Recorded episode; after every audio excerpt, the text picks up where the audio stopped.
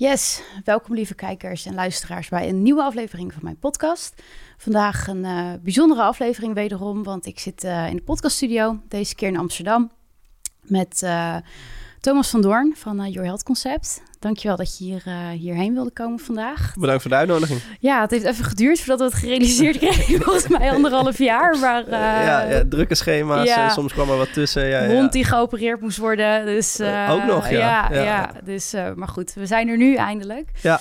Vandaag ja, ga ik twee mooie afleveringen opnemen. Eentje met Thomas en eentje met Meerlon. En um, ja, gezondheid is toch wel een heel erg belangrijk onderdeel van mijn eigen leven. Zo'n tien jaar geleden begon, uh, begon het bij mij met, uh, met CrossFit en met Paleo.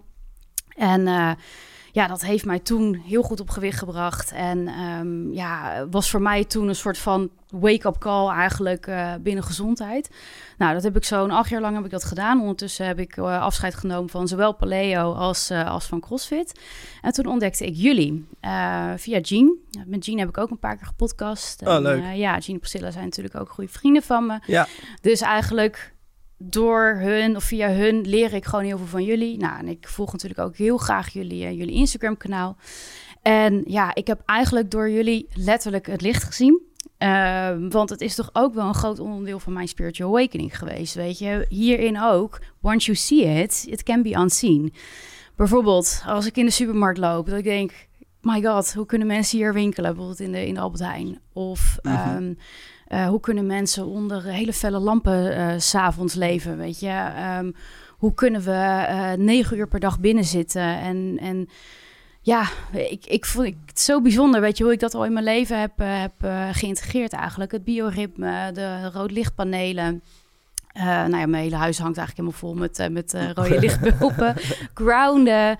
Um, ja, ja, dat eigenlijk een hele andere kijk op gezondheid dan dat we eigenlijk normaal horen van. Ja, er zijn natuurlijk heel veel goeroes en specialisten of semi-specialisten.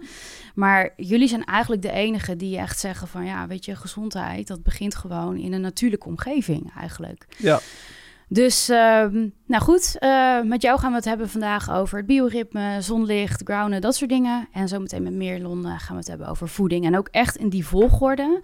Want we denken heel vaak dat gezondheid begint bij voeding en bij bewegen. Maar jullie hebben daar een hele andere kijk op. Zeker, ja, absoluut. Ja, ja. En dat, uh, daar, daar ben ik helemaal voor. Dus ehm, ja, daar gaan we het vandaag over hebben. En ik wil eerst even vragen of jij jezelf en Your Health concept kan introduceren. Ja, ik ben uh, Thomas van uh, mede-eigenaar en oprichter samen dus met Meerlon van Your Health Concept. Wat we bij Your Health Concept eigenlijk doen is proberen de oplossing van gezondheidsproblemen aan te bieden door heel erg op zoek te gaan naar de oorzaak van problemen. Terwijl in de moderne leefomgeving het vrij normaal is, of in de moderne gezondheidszorg, om meer te werken aan het symptoom. En daar zijn heel veel goede redenen voor. Hè? Een arts kan niet alles tegelijk, heeft het soms druk. Patiëntenpopulatie is veel te groot voor uh, op dat moment de behandelende arts, of dat nou in een ziekenhuis is, of in een huisarts is, of waar dan ook. Um, alleen wij denken dat heel veel gezondheidsklachten, als je daar op een andere manier naar leert kijken, en wij hebben dat geleerd vanuit een natuurkundig uh, perspectief, dat je dan wel tot de oorzaak van het probleem komt. Nou, dat, dat blijkt ook niet alleen uit onze klinische ervaring, maar ook gewoon als je heel veel natuurkundige papers leest en die worden toegepast op mensen, op biologie, op iets levens, ja, dat dat veel meer de oorzaak aanpakt dan um, een pilletje, een salfje of een supplementje. Dus eigenlijk wat je terugziet is dat er vandaag de dag meer kennis beschikbaar is op meerdere verschillende velden binnen natuurkunde, scheikunde, fysiologie, anatomie, gezondheidszorg in zijn algemene zin, waardoor we steeds beter de oorzaak van problemen kunnen oplossen. En kwantumbiologie is een van de voorlopers daarin. Ja. En dat is wat we gebruiken bij ons in de praktijk, de training die we daarin hebben gehad, ja. om ervoor te zorgen dat we de oorzaak van problemen kunnen vinden en oplossen. In plaats van te zeggen: Oké, okay, we hebben het zo druk of er is niks aan te doen, dus we pakken het symptoom maar aan. Ja. Wat ook best nuttig kan zijn. Hè? Het kan tijd winnen, het kan lucht winnen. Mm. Um, maar dat is niet hoe wij werken. Nee. Kun je uitleggen wat kwantumbiologie uh, is? Ja, dat is eigenlijk best wel simpel. Dus wat, wat, wat er binnen kwantumbiologie wordt gedaan is... welke rol spelen natuurkundige wetten in biologie? En biologie staat dan voor iets levens. Dus dat kan onderzocht worden in dieren... dat kan onderzocht worden in mensen, bacteriën, virussen, schimmels, parasieten. Ja. Dus heel flauw voorbeeldje wat ik daar altijd in geef is... oké, okay, we weten dat zonlicht er is. Nou, waar bestaat zonlicht dan uit? Dan weten we, hé, hey, daar zit ook best wel wat verschillen in. We hebben UV-licht, uh, we hebben kleuren. Hey, we hebben zelfs verschillende um, uh, spectra binnen het UV-licht. Dus we noemen dat een UVA of UVB, ja. UVC. Bestaat ook, komt niet of nauwelijks op aarde, maar het bestaat wel. En datzelfde geldt voor het rode of het infrarode gedeelte. En wat doet dat dan? Ja in mensen of dieren. En, en dat kan heel uh, geïsoleerd zijn. Dus er kan bijvoorbeeld gekeken worden naar, oké, het spectrum van UVA, dat is niet zo'n hele grote range van het hele zonlicht. Wat doet dat in de mens? Dat is eigenlijk waar kwantumbiologie voor staat. Ik geef nu een flauw voorbeeldje met mm. zonlicht, maar dat gebeurt dus met heel veel natuurkundige wetten. Wat hebben die voor invloed op onze cellen op ons functioneren. Ja, en jij zegt eigenlijk in de moderne gezondheidszorg mist dat. Mist die. Absoluut. Ja, ja, ja gewoon simpelweg omdat uh, um, dat, zie je, dat zie je niet alleen in gezondheidszorg, dat zie je ook in heel veel andere velden. Dat heel veel velden die eigenlijk uh, op het oog niet hetzelfde onderzoeken, maar wel een sterke relatie met elkaar hebben, niet zo veel gemixt worden in de praktijk als dat je op voorhand zou denken. Dus even een heel flauw voorbeeld wat ik ook altijd geef is Um, we hebben een energiefabriek in onze cel, die noemen we mitochondrium. Nou, die knip ik open, bij wijze van spreken. Kan mm. natuurlijk niet echt, maar oké, ik pak een schaar, knip hem open en ik kijk wat daar gebeurt. Dan zie je eigenlijk dat er elektronen en protonen verplaatst worden. Nou, dan denken mensen al gauw van, oh, jezus, wat is dat? Heel simpel, plusjes en minnetjes. Net als bij de batterij van je afstandsbediening, plusjes en minnetjes. Als je natuurkundig gezien dus niet begrijpt hoe plusjes en minnetjes bewegen... of waar plusjes en minnetjes door beïnvloed worden...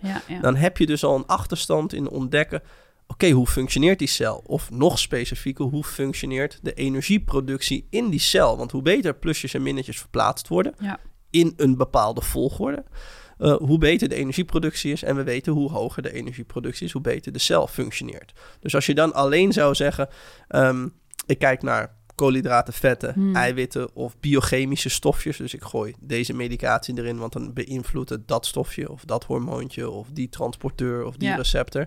Dan kijk je dus naar een heel klein onderdeel. En als je dus echt vanuit het atoom leert kijken, dus echt de basis, en je leert als het ware vanaf daar uitzoomen in plaats van... Dus doordat je eerst extreem inzoomt en daarna uitzoomen in plaats van andersom...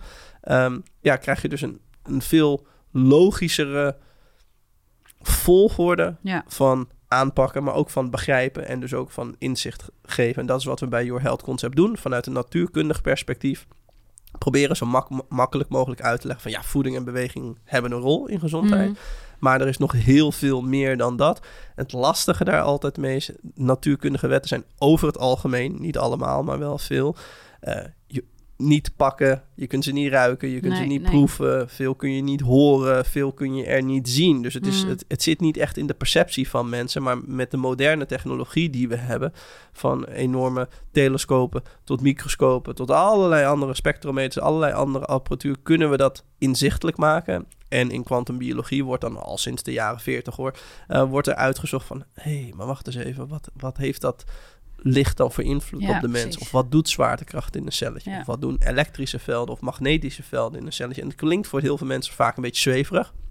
Maar voor natuurkundige mensen is dat altijd een beetje... Ja, daar moeten we altijd een beetje om lachen. Want dat is de basis. We weten bijvoorbeeld allemaal, als jij je hand wil bewegen... dat er een elektrisch signaaltje van je brein naar je hand moet. Alright, waar komt die elektriciteit dan vandaan? En hoe werkt die elektriciteit dan? En, en bij wijze van spreken, hoe wordt die elektriciteit dan verhoogd of verlaagd? Dat is wat kwantumbiologie is. Dat is het natuurkundige gedeelte binnen geneeskunde wat mist. Mhm. Omdat mensen er niet in opgeleid zijn. Nee. Ehm, dat heeft ook weer meerdere redenen. Eerst was de data nog niet zo groot, of het was nog niet bekend, of het was moeilijk te integreren enzovoort. Er zijn heel veel redenen voor, maar vandaag de dag is er genoeg data om die twee samen te brengen. Het zal moeten ook. Ja. Als we willen dat... Uh, we hebben alleen al in Nederland 11 miljoen chronisch zieke mensen. Ja, dat is bizar, toch? Ja, dat is Meer echt heel de helft. veel. Hoe kan dat? Ja. Nou ja, hoe, dat is heel duidelijk hoe het kan, maar ja. hoe heeft zover kunnen komen? Ja. Ja. Ja, ja, goede vraag. Ook daar zitten natuurlijk ja. meerdere variabelen aan. Maar, uh, en het wil echt niet zeggen dat kwantumbiologie alle problemen oplost. Alleen uh, het, het, heeft wel bewezen dat het voor heel veel moderne gezondheidsklachten, sterker nog wel 90%, de oplossing kan bieden. Ja, en wat jij zegt, je gaat naar de oorzaak, niet naar het symptoom. Je gaat niet het symptoom bestrijden. Je gaat onderbouwd op zoek naar waar een klacht vandaan komt bij iemand. Ja. En een van jullie claims, ik weet, het, weet niet of het nog steeds zo is, maar wat jullie voorheen wel zeiden was... Um, ook, eh, eh, klachten hoeven niet chronisch te zijn. Nee. Terwijl heel veel mensen wel met chronische klachten lopen, waar ze zich misschien nog ineens bewust van zijn. Of die zijn zo normaal geworden omdat het zoveel voorkomt. Huidproblemen, ehm, darmklachten. Ehm, bijvoorbeeld mijn broertje, die heeft een prikkelbaar darmsyndroom, weet je. Mhm. Maar die is eigenlijk tegen gezegd, leer maar mijn leven. Juist. Why, weet je. Ja, ja, dus we zeggen niet dat chronische klachten niet bestaan. Nee, we zeggen nee, dat heel veel chronische klachten niet chronisch hoeven te zijn. Ja, dat. Ehm, ja, en dus eh, bijvoorbeeld, we, we hebben een vrij groot track record. Daarom werken we ook eh, bijvoorbeeld met eh, het Erasmus ziekenhuis eh, Mm. samen. Als het gaat om het verhelpen van, van de ziekte van Crohn, waarvan heel vaak Ja. door een MDL-arts van wordt gezegd, daar kan ik niks mee. Ehm, nou, dat, dat, dat, dat zegt die arts niet zomaar. Eh, die vindt dat ook oprecht. Alleen als je het vanuit een ander perspectief leert bekijken... en andere tools in de toolbox hebt... blijkt dat dus wel oplosbaar. Niet alleen bij ons in de praktijk. Maar er is ook best aardig wat wetenschap voor dat dat tegenwoordig kan. Er zijn ook andere. eh, in, in Zwitserland is kwantumbiologie al een stukje groter Mhm. eh, dan bij ons in Nederland. En daar zijn ook eh, heel veel onderzoeken en heel veel uitslagen waarin ziekte van Crohn verholpen is. Dus ja, heel veel dingen waarvan we zeggen, ja, daar hebben we geen oplossing voor, dus je moet er maar mee leren leven. Ja, dat blijkt vandaag de dag niet meer zo te zijn. Nee, nee, helder. En wat zijn eh, de meest voorkomende klachten die jullie in de praktijk zien? Sowieso darmklachten. Ja. Eh, dat heeft gewoon te maken met het feit dat, eh, dat heel veel Nederlanders daar last van hebben. Ik weet die cijfers niet helemaal uit mijn hoofd, maar ik dacht twee op de vijf vrouwen in Nederland heeft last van Kan je darmklachten. een paar voorbeelden opnoemen? Ja, dus ziekte van Crohn komt steeds meer voor. Het prikkelbare darmsyndroom, wat, wat je net opnoemde, Mhm. is ook iets wat heel, veel, wat heel veel voorkomt. Dat zijn eigenlijk de twee die wel het meest voorkomen. Daar zijn wel allemaal afgeleide of, of dingetjes die op lijken, die net weer een andere benaming hebben. Hè. Obstipatie wordt ook al Oh ja, een aparte groep eh, eh, genoemd. Ehm, ja, er zijn zoveel Hm. vormen van darmklachten, maar eigenlijk voor ons zijn ze allemaal op één hoopje, zeg maar, als het gaat om eh, ja, darmklachten. Ja, Daar speelt meer dan alleen de functie van de darm zelf. ja. En huidklachten ook? Eh, ja, huidklachten eh, komen ja, ook heel veel voor, Ja, absoluut. Eh, we werken ook samen met de, de dermahaven van het Erasmus ziekenhuis. Poli. Bijvoorbeeld eh, 23 maart of een paar weekjes spreek ik daar ook op het congres mooi. voor allerlei ehm, eh, dermatologen, MDL-artsen, andere type artsen om een aantal casussen die we met hun samen hebben Ja. Eh, dus een hele heftige psoriasis van eh, iemand verholpen, een ziekte van Crohn van iemand verholpen, om uit te leggen hoe we, hoe we dat hebben gedaan. Samen met de behandelend arts hebben, hebben we dat gezamenlijk gedaan. En dan we gaan we uitleggen hoe dat werkt met de data, de bloedonderzoeken enzovoort eh, Ja. erbij. Ja, en slaapproblemen komen veel voor. Die worden vaak in het hoekje energieproblemen. Dus mensen zeggen, ben vermoeid. Of eh, ik heb het idee dat ik een beetje een brain fog heb. Dat ik altijd een beetje wazig ben. Ik slaap slecht. Ik ben niet uitgerust. en dus dat komt ook heel veel voor. Ja. En ehm, wat is vaak het eerste waar jullie mee aan de slag gaan bij, eh, bij een patiënt? Ja, dat, dat is lastig. In die zin, je- neemt altijd eerst bloedwaardes af om te kijken van oké, je hebt data nodig om een beginpunt te creëren. Maar wat we sowieso altijd doen is dat we het bioritme gaan optimaliseren. Het bioritme wil eigenlijk zeggen de dag- en nachtcyclus die we van 3,8 miljard jaar evolutie hebben meegekregen, die wordt vandaag in de moderne eh, tijd wordt die veelal verstoord. Ja. Eh, dat kan zijn door kunstlicht, dat kan zijn door nachtdiensten, eh, dat kan zijn door te weinig zonlicht. Er zijn nog een heleboel andere redenen. Temperatuur toch ook? hè? Ook zeker, ja, temperatuur speelt daar ook een belangrijke rol in. Zeker eh, eh, als je van Noord-Europese kom af bent, Hm. dan speelt het nog een belangrijke rol dan wanneer je dichter bij de evenaar geboren bent of jouw DNA dichter bij de evenaar ontwikkeld is. Ehm, dus als je dat bioritme meer in goede banen leidt, dan zullen de hormonen beter, de hormonale balans zal beter zijn en zullen ook beter hun taak kunnen uitvoeren. En als dat zo is, zullen de organen beter functioneren. En als dat zo is, zal gezondheid sowieso toenemen. Dat is niet per se de Mhm. oplossing voor alle klachten. Alleen het is wel een basis waar we altijd mee beginnen. Ja. Ja, ja, ook echt.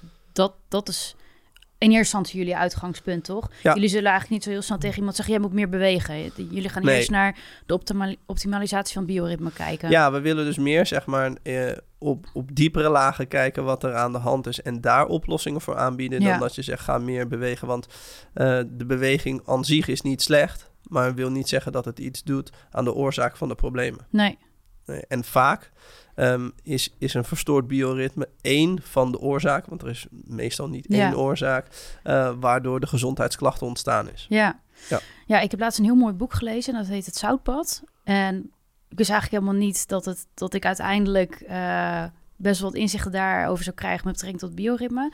Dat gaat over een stel die alles verliet. Ze zijn in de 50. En ehm, ja, ze worden ook dakloos, ze hebben geen geld meer, niks. En ze bes- besluiten om het Zoutpad te gaan lopen in eh, Zuid-Engeland. En ze hebben eigenlijk helemaal geen geld voor gezonde voeding. Ze moeten soms een week op eh, noedels leven. Van die, echt van die goedkope instant noedels, weet je wel, echt Ja. een drama. Maar omdat zij heel de dag buiten leven. Oh ja, nee, hij heeft ook nog een hele... Welke ziek heeft hij nou? Een combinatie tussen Parkinson en Alzheimer, volgens mij. Eh, heftig. Ja, echt super heftig. Dus eigenlijk krijgt hij gewoon een doodvonnis. En ze besluiten toch om dat pad te gaan lopen. En omdat ze heel de tijd buiten zijn en in beweging zijn, gaat zijn, wordt zijn ziekte beter. Gaat hij zich beter voelen. En letterlijk de hersenscans, die, die, die ja, tonen betere resultaten. En daar vond ik dus dat je heel goed kon zien van... die gezondheid die begint buiten. Zeker. Bij die optimalisatie van de bioritme. Zij worden natuurlijk ook echt blo- blootgesteld aan kouprikkels, warmteprikkels, honger. Dus in combinatie met dan heel, heel de dag buiten zijn. eh, ja, het maakt dus blijkbaar niet zo heel veel uit dat ze dan bijvoorbeeld die noedels eet. Dat kan het lichaam dan best wel goed opvangen. Zeker. Omdat ze dat bioritme zo in check hebben. Dat vond ik zo ontzettend bijzonder. Ja, daar zijn, daar, zijn best wel, eh, Ja. daar zijn best wel uitgebreide onderzoeken ook van. Bijvoorbeeld Jeff Leach. Jeff Leach doet al eh, ruim 30 jaar onderzoek naar inheemse stammen wereldwijd. Ehm, eh, hij is overigens eh, volgens mij de eerste eh, professor, dan wel wetenschapper, die ooit in het blad Nature, dat is een beetje het bekendste wetenschappelijke blad, een hele editie voor zichzelf kreeg op basis van dit soort onderzoeken. Wat hij eigenlijk aantoonde is dat de darmflora niet of nauwelijks vari- varieert wanneer je mensen in hun natuurlijke habitat dingen laat eten. Wat laten ze die mensen dan bijvoorbeeld eten? In dit geval ging het om hazade in Tanzania bijvoorbeeld. Ehm, is koek, snoep, chips, antibiotica, whisky, al dat soort zaken. Mm. En als ze dat... eh, ze sampleden, dus hij, hij heeft de grootste database van eh, bacteriële samples van wilde mensen. Dat, dat is in, in, in, zijn- in zijn bezit en van zijn Ja. team. En ehm, wat dus bleek, als ze dat bijvoorbeeld 12 of 15 kilometer verderop deden, en waar hun lab ook zat en, en de mensen daar in een hotel eh, lieten slapen, een paar dagen en dan die dingen geven, dat die darmflora wel heel nadelig beïnvloed Ja, werd. precies. Dus ja, wij zeggen ook altijd, je omgeving is bepalend voor je gezondheid. Hè. Jouw darmflora, die bestaat voor het grotendeel uit bacteriën. Waar komen die bacteriën over het algemeen vandaan? Uit je omgeving. Hm. Je eet ze door de producten die je eet. Je ademt ze in. Ze komen op de huid en in sommige gevallen ook door de huid. Dus ja, je omgeving is alles bepalend voor je gezondheid. En vandaag de dag leven we niet meer in de omgeving waarin onze cel geëvalueerd is. We leven in de moderne leefomgeving en we kunnen ons daar wel op aanpassen. Dat is een kwaliteit die wij als mensen eh, natuurlijk enorm goed bezitten, aanpassen aan de omgeving. Alleen daar zijn grenzen aan en we zijn op dit moment de absolute li- limieten Ja. aan het opzoeken Ja. van die grenzen. En daardoor Ja. zie je niet alleen in Nederland 11 miljoen chronisch zieke mensen, maar ook in allerlei andere westerse, maar ook in niet-westerse landen zie je dat de cijfers rondom chronische ziekte of ziekte in het algemeen enorm aan toenemen. Ja, en ook de leeftijd dat je gewoon ziek wordt, wordt steeds lager. Ja. Het ligt nu rond de 40 volgens mij. Ja, ja, ja. Dat, is toch, dat is echt bizar gewoon. Ja. En hoe eh, kunnen wij dan ehm, nu eigenlijk onze omgeving dusdanig aanpassen dat je die dingen wel in check kan houden? Ja, het makkelijkste om jezelf meer te verbinden met de natuur. Ja. De natuur heeft al die prikkels die ervoor zorgen dat jouw Ja. systeem functioneert. Jij hoeft, Zo mooi. ja, je hoeft Ja. zelf niet na te denken over wanneer jouw slaaphormoon wordt losgelaten. Die wordt losgelaten. Hm. En daardoor, vier uur later, val je als het goed is in slaap. Ja. Jij hoeft nu niet na te denken terwijl je hier zit over wat jouw alvleesklier of wat jouw lever aan het doen is. Nee, dat gaat in een bepaalde volgorde. Daar vinden bepaalde processen plaats. En dat wordt allemaal aangestuurd door dat bioritme.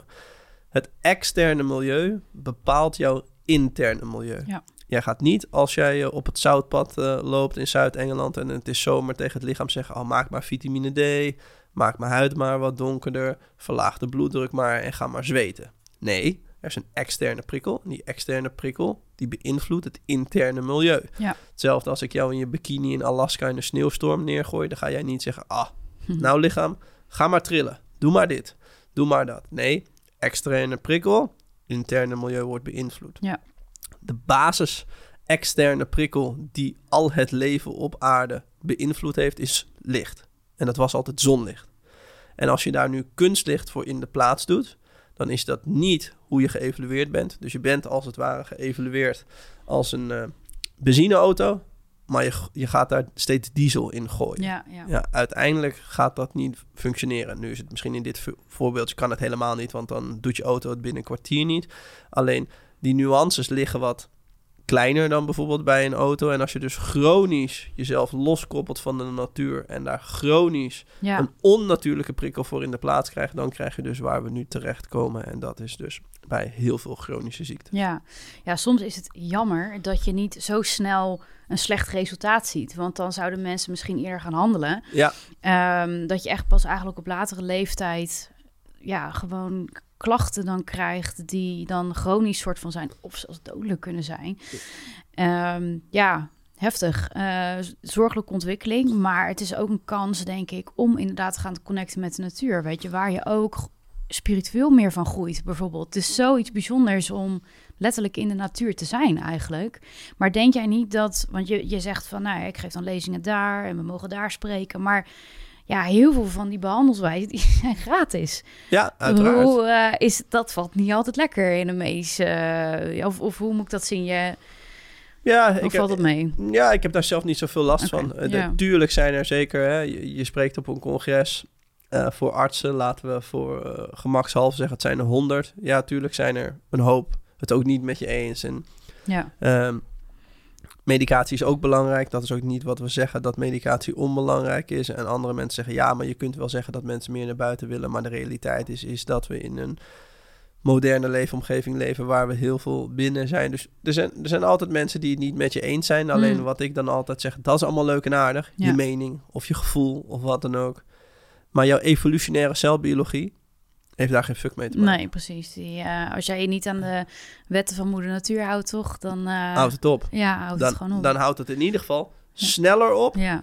dan wanneer je het wilt. Kijk, dat zeg ik ook in bijna elke podcast. Een leeuw van nijlpaard hoef ik dit niet uit te leggen of te leren. Want die heeft niet een prefrontale cortex waarmee die zijn omgeving kan beïnvloeden.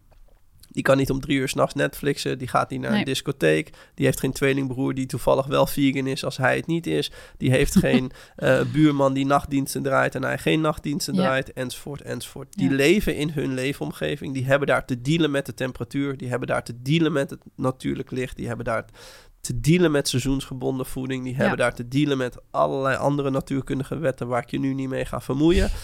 Um, die hebben daarmee te dealen. En daardoor loopt het systeem bij hun zoals het loopt. Je omgeving bepaalt of je een ijsbeer bent of een leeuw. Een ijsbeer overleeft het niet in de savanne in Kenia. Ja, tijdelijk eventjes wel.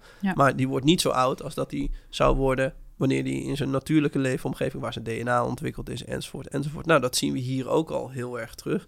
Dat hoe verder we van de evenaar wegbewegen, hoe meer chronische ziektes er komen. Hoe verder we van de evenaar weg bewegen. Ah, ja, want daar zijn we ooit ja. als mens ja. doorontwikkeld hè, in, het oosten van Afrika. Dus dan kun je wel zeggen, ja, maar ik wil Netflix. Of ja, maar mijn baan is in een ziekenhuis. Of ja, maar dit. Of ja, maar dat. Of mijn gevoel. Of dit vind ik lekker eten. Dat is allemaal prima. Ik zeg ook niet dat het niet kan. Alleen aan alle acties die je uitvoert zitten, zitten consequenties. En wij hebben nu chronisch dag in dag uit een bepaald soort ritme van handelingen, acties. En daar zitten consequenties aan. Ja. En die consequenties zijn dus veel eerder een kans op chronische ziekte. Volgens mij, ik weet die data niet helemaal uit mijn hoofd, maar ik dacht dat vandaag de dag 1 op de 4 uh, eh, uh, mensen in Nederland doodgaat aan kanker. Jeetje. Ja, ja, volgens mij dacht het wel 1 op de 4 of 1 op de 6. Ik weet het niet helemaal uit mijn hoofd. Um, terwijl er in heel veel gevallen van, van die soorten kanker er geen genstructuur is gevonden die zegt, ah, maar daardoor ja. Uh, is het erfelijk of, of ik zeg niet dat het helemaal niet bestaat, maar in heel veel gevallen is dat dus niet zo. Het wordt best wel voor lief genomen van dat je dat krijgt en daar kan je niks aan doen. Juist. het is gewoon, je hebt gewoon bad luck. Ja. Um, en ik was laatst bij Jean en daar lag het boek van uh, Jack Cruze, waar jij in, uh, in opleiding bent geweest, of nog steeds een opleiding bent. Ja, zeker. Uh, ja, is hij nou neuro neuroloog, hij? ja, dus in, van, van oorsprong was, was hij kaakchirurg. Oké. Okay. Um, en toen is hij hersenchirurg geworden. Ja. En later heeft hij kwantumbiologie gedaan en hij heeft nu de Optimized Life Board. Dat zijn 25 professoren die andere mensen trainen in kwantumbiologie. Dus ja. daar volg ik mijn opleiding. Ja, super mooi. Ja, dat stopt eigenlijk nooit die opleiding. Nee. Dat is altijd gewoon ja, tof. elke week onderzoeken lezen. Ook dat studeren. maakt eh, ja, jullie heel erg uniek. Maar wat ik waar, over dat boek wilde zeggen... is dat hij dat boek begint... Ik had even de intro gelezen. Ehm, daar kaart hij eigenlijk best wel snel kanker aan. Dat kanker, laten we zeggen 150 jaar geleden... niet een van de grootste doodsoorzaken eh, was, maar nu wel. Ja, En eh, toen was het eh, volgens mij ehm, ja, geslachtsziekte en eh, wat was het nog meer? Eh, inf- ja, infectieuze ziekten, zeg ja maar. zeker. Ja, maar ja. en dat is heel mooi dat daar oplossingen voor zijn eh, gevonden. Maar dat we nu toch wel echt zo'n grote, of een drastische strij- stijging zien in kanker. En hart- en vaatziekten en dat soort dingen. Die toch wat meer gerelateerd zijn aan levensstijl, inderdaad. En dat vond ik echt bizar. Nou ja, wat je bijvoorbeeld ziet, hè, is, is, dus het is niet direct een oorzaak, maar er zijn een aantal correlaties. Wat we bijvoorbeeld Mm. heel veel zien bij de data rondom kanker, is dat eh, veel mensen eh, die een vorm van kanker ontwikkelen, een laag vitamine D-niveau hebben. Ja, Heel veel mensen die eh, kanker ontwikkelen, die hebben chronisch hoge ontstekingsniveaus. Ja, veel ja. mensen die kanker ontwikkelen, hebben lage melatonine-niveaus. En heel veel mensen die kanker ontwikkelen, die hebben ook ge- lage glutathion-niveaus. Alle dingen die je net opnoemt hangen aan zonlicht. en wat is die laatste? Glutathion, dat is een, eh, nee, is een antioxidant, een opruimertje. Als ja. het troep is, gaat hij dat als het ware Ja. opruimen. En dat startschot voor de productie van al deze dingen in het menselijk lichaam komt van zonlicht. Ja, Ehm, dus ook daar zie je een hele sterke relatie dat hoe minder zonlicht je hebt, hoe minder Ja. die systemen als het ware op start gedrukt kan worden, maar ook weer op stop gedrukt kan worden. Ehm, dus ja, nee, eh, eh, eh, er zijn ook een aantal artsen, bijvoorbeeld de, de, de meest bekende en grootste onderzoeker als het gaat om energiefabrieken in het menselijk lichaam. Hij heet eh, Douglas Wallace. En die heeft ook aangetoond dat 85 tot 90 procent van alle moderne westerse ziektes beginnen met een energietekort. Dus Ja. de productie van energie is lager dan de vraag. Aanbod is lager dan Ja. de vraag. En dat zien we dus ook bijvoorbeeld in kanker, Alzheimer, Parkinson, MS, ja ALS. Alzheimer is ook eh, Ja. een heftig voorbeeld daarin. Ja, inderdaad. auto-immuunziekten zijn ook enorm, eh, enorm in opkomst. Ja, Ja. alright. Ehm, wil ik toch nog even terug naar het bioritme. Je, hebt, je noemde het net al een beetje snel, maar kan je uitleggen wat er met jou gebeurt als jij met je blote voetjes op de aarde staat in de zon? Ja, Ja, je dus- buiten dat je superhuman wordt, als je dat eh, zeven dagen nou, je, doet. je, je, wordt, je wordt eigenlijk gewoon normaal mens. en Ja. Niet superhuman. Je wordt in ieder geval je, geen afgetakeld mens. Ehm, ja, dus het bioritme nogmaals is dat bepaalt wat er in het lichaam gebeurt als het gaat om de verschillen tussen dag en nacht. Ja. Dus je kunt je voorstellen dat bijvoorbeeld jouw energieproductie en afgifte om twee uur 's middags anders moet zijn dan om twee uur 's nachts. Je kunt je voorstellen dat jouw darmen iets anders moeten doen om drie uur 's nachts Mhm. dan om drie uur 's middag. Dat regelt het bioritme.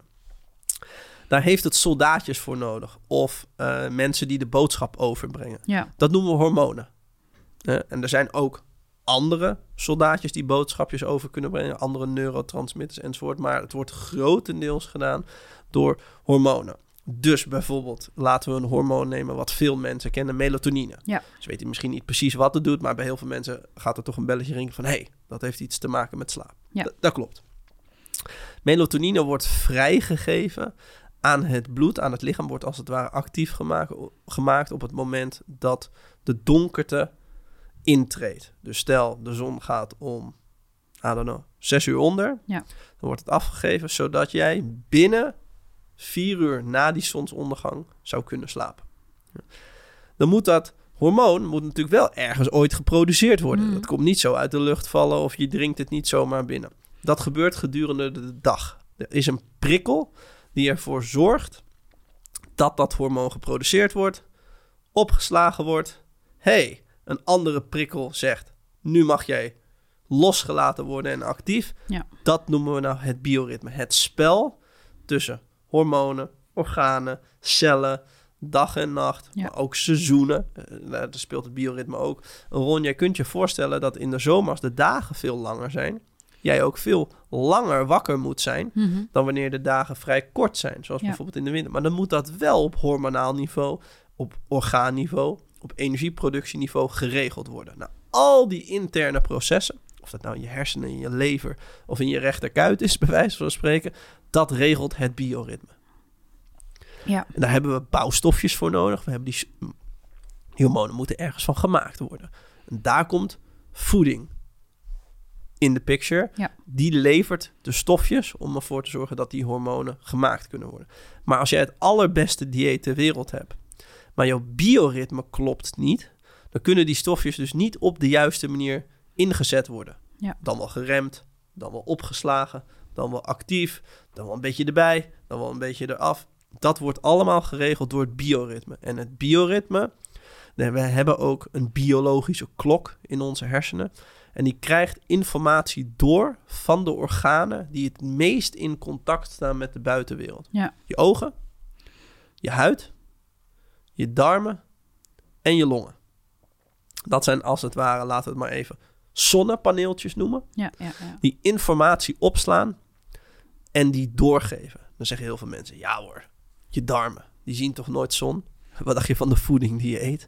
Die komt toch ook van zonlicht af? Dus de darmbacteriën en de enzymen in de darmen en allerlei andere processen in de darmen knippen als het ware jouw voeding door het midden. En daar komen lichtflitsjes bij vrij. Dat is geen metafoor, dat is hoe het echt werkt. Trillingen komen erbij vrij. En die worden opgepikt en op basis van die trillingen wordt het gedrag beïnvloed. Nou, dus al die processen, dat is dus het bioritme. En het bioritme haalt zijn informatie uit de omgeving en heeft daar een aantal zonnepaneeltjes voor. Nogmaals, Hmm. longen, darmen, huid, ogen. Er zijn ook andere onderdelen, haren spelen daar een rol bij enzovoort. Maar dat zijn eigenlijk de vier belangrijkste. En waarom hebben we die input uit die omgeving nodig voor ons interne milieu? Om onze kans op overleving zo groot mogelijk Ja, te maken. precies. Ja. Ja. En kan jij schetsen hoe wij, ehm, ja, het is eigenlijk heel simpel, maar toch even ter verduidelijking, hoe wij als jager-verzamelaar leefden. In check met de natuur.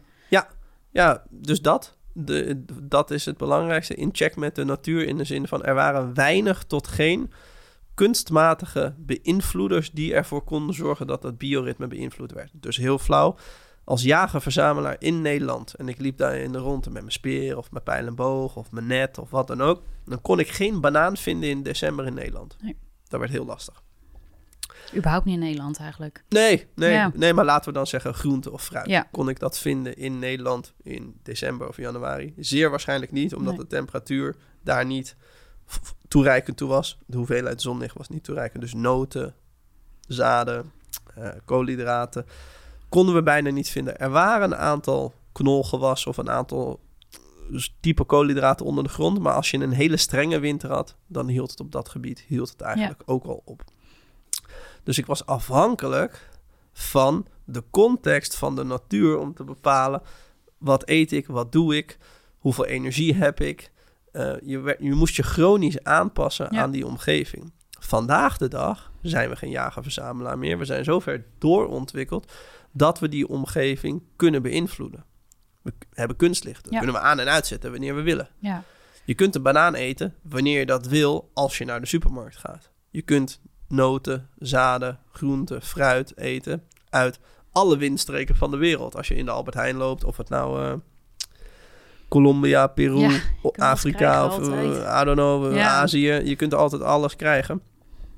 Hetzelfde geldt voor temperatuur. Hè? Dus zeg december tot februari was het vrij lastig als jager-verzamelaar om in een situatie terecht te komen in Noord-Europa om 20 graden mee te maken. ja, ja. En temperatuur doet ook iets met het lichaam. Ik gaf Ja. net dat simpele voorbeeldje. Ja, als het heel koud is, gedraagt het lichaam zich anders Ja. dan wanneer het heel warm is.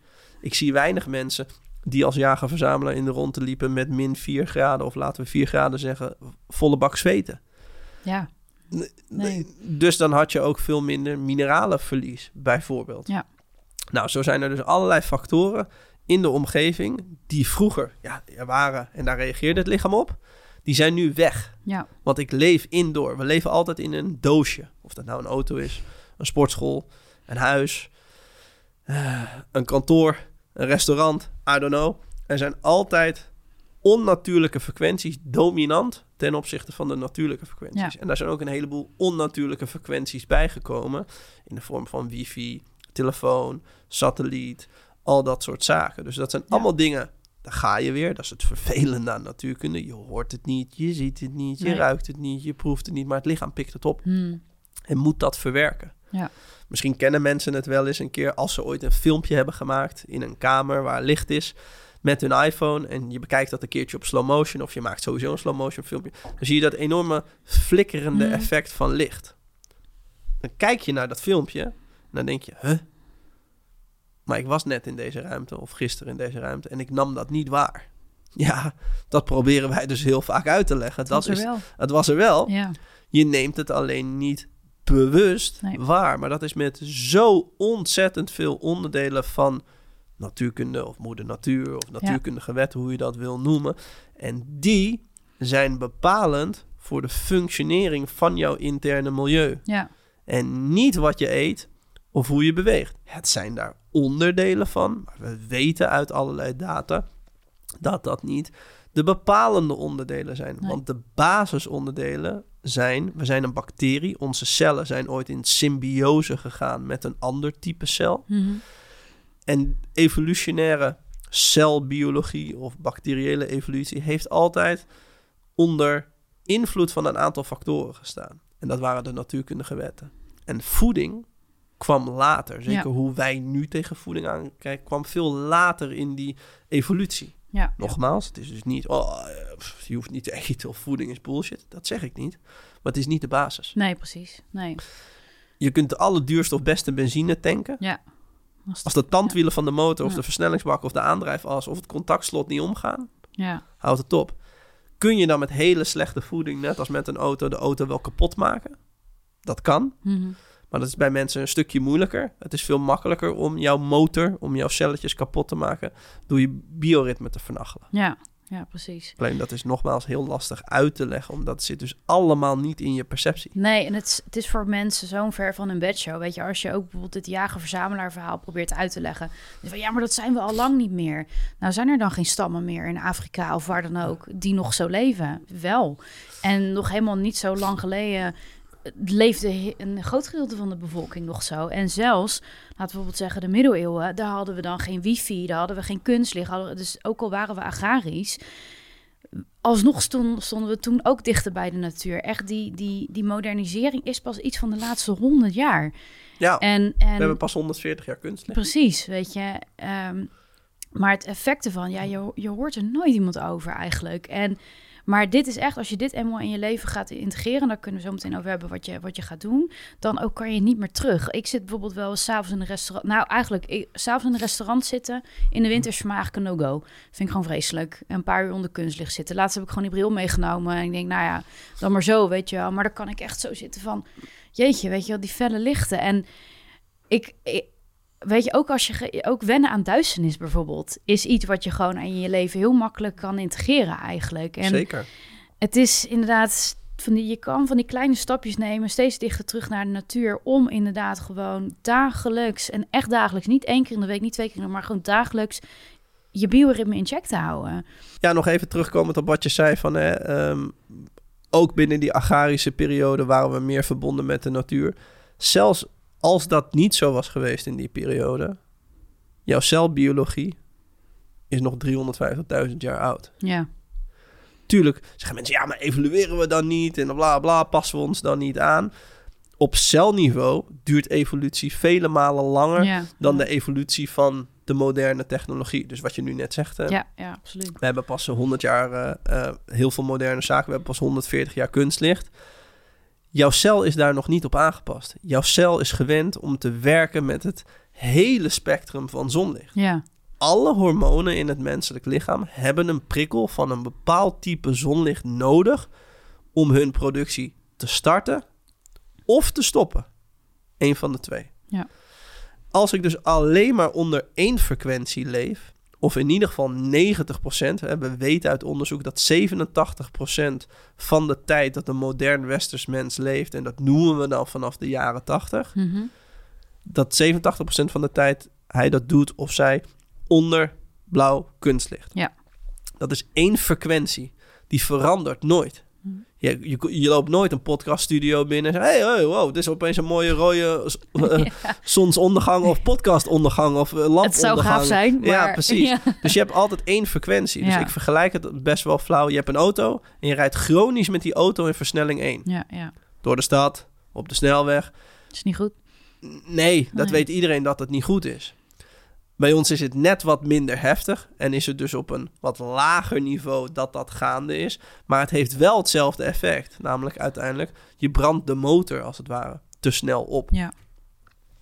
En, en dat, dat is iets wat we vandaag in de moderne leefomgeving bewust, hè, een keuze, vergeten. Ja. Het leven op zichzelf en de doelen die ik daarbinnen heb, die gaan voor ten opzichte van keuzes maken rondom gezondheid. En heel veel mensen zijn daartoe gedwongen en ik begrijp het allemaal wel. Alleen nogmaals, daar ga je weer. Daar heeft moeder natuur niks mee te maken. Je moet nog steeds dealen met de consequenties daarvan. Heel veel mensen zeggen, ja, maar ik eh, heb nou eenmaal nachtdienst en zo. Ja, ik snap het. Ik begrijp het. Je hebt kinderen, er moet geld verdiend worden. Ik begrijp het allemaal. Maar jouw celbiologie begrijpt dat niet. Nee. Die, die, die heeft niet op die manier die intelligentie van... ja, de bankrekening is leeg, dus Ja. ik deal wel extra met dat blauw licht. Ja. Nee, nee, zo werkt dat niet. Nou, en ik- kijk, als elke zin ook moet beginnen met ja maar, dan vraag ik me soms ook af hoe graag je het echt wilt. Ja. Maar goed, ehm, eh, kijk, het is ook, vind ik, leuk om jezelf te onderwijzen in je eigen gezondheid. Mhm. Ik denk ook wel dat daar ook wel een stukje zelfliefde bijvoorbeeld aan hangt. Van hè, hoe gun jij jezelf het langste, het beste en het meest fantastische leven wat je maar wilt? Nou, is het antwoord ja, dan vind je het vaak heel leuk om ook echt in je, in gezondheid te investeren.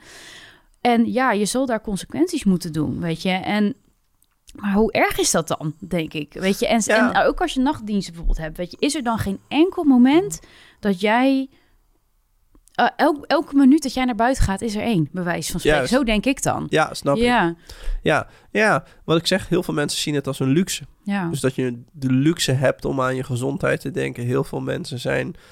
ehm, ik weet niet of dat in Nederland per se het geval is... maar wereldwijd toch wel te druk en logisch bezig met overleven. ja. Waardoor dat niet kan. Alleen wij zeggen ook niet... je moet terug naar een hutje op de hei... of Nee. je moet weer jager of zamelaar worden. Er zijn een aantal eikmomenten... Ja.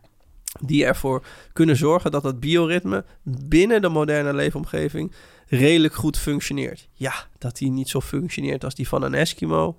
Logisch, want je hebt nou eenmaal te dealen met moderne westerse dingen. Maar hè, dat is ook wat je terugziet op onze Instagram-pagina's. We zeggen nooit, dit mag niet, dat mag niet, zus Nee. niet, je mag zo niet eten. Of nee, nee, nee, nee, dat is helemaal niet hoe we in de wedstrijd zitten. We willen iets toevoegen aan je huidige leefstijl. Ja. En een van de dingen waar mensen binnen hun huidige leefstijl niet aan denken, of je nou wel of niet met gezondheid bezig bent, omdat je een klacht hebt, of omdat je het preventief doet, of omdat je er interesse in hebt, is het bioritme. Terwijl dat alles bepalend is voor het interne milieu. Ja. ja. Dus je, je, je, je vroeg, kun je wat tips geven over, over, over het bioritme? Eigenlijk, wat jij zei is zo'n belangrijke tip dat bij, mensen bijna niet meer kunnen geloven dat het klopt of dat het waar is. Ga zo vaak mogelijk naar buiten. Ja, Alle wetten in de Ja. natuur, en meer dan 90% van die wetten maak je dus niet mee, niet bewust mee, sturen jouw interne milieu aan. Dus elk moment dat jij buiten kunt zijn, is winst. ja, Elk moment. Dat kan dus ook al zijn als je zegt, ja, maar ja, ik moet werken en ik zit nou eenmaal op kantoor. Doe je raam open. ja. Ben je dan fysiek buiten? Nee, maar je hebt in ieder geval wel één natuurkundige wet die naar binnen komt en dat is het licht. Dan zeggen mensen, ja, maar ik heb geen kunstlicht aan in mijn Ja, werkruimte maar ja maar. Stop met ja maar, mensen. Alsjeblieft. En, Ja, en ik zit gewoon achter glas. ja, Ja, en dan zeg ik altijd, oké, kun je verbranden achter glas? Zeggen mensen altijd, ja, nee. Kun je bruin worden achter glas? Ja, nee. Ik zeg, denk je dat glas dan bepaalde onderdelen van zonlicht tegenhoudt? Ja, ja, er Ja. zit wel wat in. Dus ook achter glas zitten zorgt ervoor dat je een onnatuurlijke vorm van kunstlicht Ja. binnenkrijgt. Ja, maar eh, glas is er al lang en bla bla bla. Ja, maar jouw celbiologie is niet Maar ontwikkeld. niet dat, zo lang. dat er een filter Ja. tussen zit. Dat geldt dus ook voor lenzen. Ja, Dat geldt dus ook voor een bril. Ja. Dat geldt dus ook voor een zonnebril. Ik snap dat je het soms nodig hebt om te functioneren. Alleen je moet ervoor zorgen ja, dat je voor jezelf de context gaat creëren. Dat je dus ongefilterd Ja. de prikkel binnenkrijgt. Zodat het interne milieu, de biologische klok, kan zeggen... Ah, dit is het signaal dat Ja. dit moet gebeuren en dat moet gebeuren. ja. Ik, ik zelf ben hier best wel goed voorbeeld van. Ik heb min 4 met mijn ogen. Echt vreselijk. Ja. Ehm, maar wat ik 's ochtends doe, nou, ik heb dan ook een hond. Een hond helpt ook best wel goed om eh, je bioritme in check te houden. Ja, Ik vind het wel vervelend om in de, in de winter, zeg maar, na vijf dan naar buiten te gaan. Maar goed, doe ik gewoon die bril op. Mhm. En soms gewoon zonder... Nou ja, 's ochtends dan, dan eh, doe ik mijn bril op. eh, want wil ik even wat zien in het trappenhuis. Maar zodra ik ga wandelen buiten, is die gewoon af. Dan Ja. zie ik maar niks. Het is niet dat ik niet kan zien waar ik loop of zo, weet je. Nee. Dat is al zo'n vast onderdeel geworden. Altijd als ik buiten ben, zet ik altijd mijn bril op mijn hoofd. Ja. En bijvoorbeeld s'avonds, als ik dan eh, hè, in het donker dan de hond uit wil laten... dan gaat die blauwfilterbril op, maar gewoon zonder lenzen. Ja, bijvoorbeeld, als ik mijn lenzen bijvoorbeeld niet draag. Ja, daar kan je dan ook weer een heel probleem van maken als je dat wil. Maar ik vind het gewoon belangrijk. En weet je, je soms moet je ook gewoon gewoonte even eigen maken. Ja. Het is niet moeilijk. Als je dit, wat is het, hoe, hoe lang doe je erover? Zeven dagen of zo om een gewoonte je eigen te maken. Dus dan heb je al zulke quick wins eigenlijk om, eh, om in ieder geval de bioritme in check te houden. Ja, Ja. zeker. Tenminste, het zonlicht. Sorry, dus het hangt van heel veel andere factoren af. Want daarna ga ik wel in centrale verwarming zitten. Maar Ja. dat is in ieder geval een factor wat ik echt probeer toe te voegen in mijn leven. Dagelijks ook. Als jij 20 minuten ochtendlicht, dus een uur na Ja. zonsopkomst, daar binnen 20 minuten in zo naakt mogelijk Zowel in buiten de bent. winter als de zomer? Ja, Oké, ja. En het hoogste punt van de zon, dat noemen we solar noon in de middag. Ja, En de zonsondergang ziet. Dus dat is drie keer 20 minuten. Als je dat bewust meemaakt zonder filter ertussen. Dan heb je al een hele grote basis om dat bioritme in orde te houden. ja, Als je dat consequent dag in dag uit doet, kun je met heel veel dingen wegkomen als het gaat om wat je net zegt. Ehm, kunstlicht of een druk werkritme of, of Ja. wat dan ook. Dus dat zou, dat is eigenlijk altijd de eerste tip die we aan iedereen geven. Als je die drie momenten van de dag, dat zijn eigenlijk, dat noemen we ook sidecabers, dus de bioklok heeft een bepaald soort input nodig om te kunnen functioneren. ja. En de drie meest belangrijke elementen om te kunnen functioneren zijn ochtend, middag en avondlicht. Ja, het is helemaal niet zo heel eh, spannend eigenlijk. Nee, nee, nee, nee. Het, hoeft helemaal niet, het hoeft ook helemaal niet zo spannend te zijn hoor. Ja, Eh, soms zeggen we ook wel eens bij cliënten van, eh, nou, die zeggen dan, ik heb al 17 jaar lang deze en deze en deze en deze klacht. Hele lijst, hele lijst met specialisten gehad. Dan zeggen we altijd, hoe lang denk je dat je nodig hebt per dag voor de komende 12 weken? Een behandeltraject duurt meestal 12 tot 16 weken. In uitzonderlijke gevallen wel eens nog eh, langer, een beetje afhankelijk van eh, het ziektebeeld.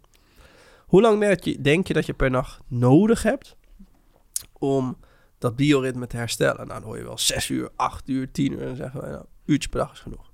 Als je een uurtje per dag in een bepaalde volgorde doet wat we zeggen, kun je dat bioritme voor het allergrote de deel, overgrote deel alweer herstellen. Ja. Daarmee dus je hormonale balans gaan herstellen. Ja, nee, niet van de een op de andere dag. Dat duurt even.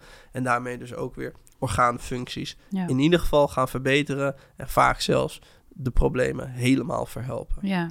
Dus het klinkt soms voor mensen ingewikkeld. Oh, natuurkunde en kwantumbiologie en dit. Nee, dat is als je wil weten hoe het werkt. Hm, Maar de toepassing ervan is verbind jezelf zoveel mogelijk met de natuur. ja.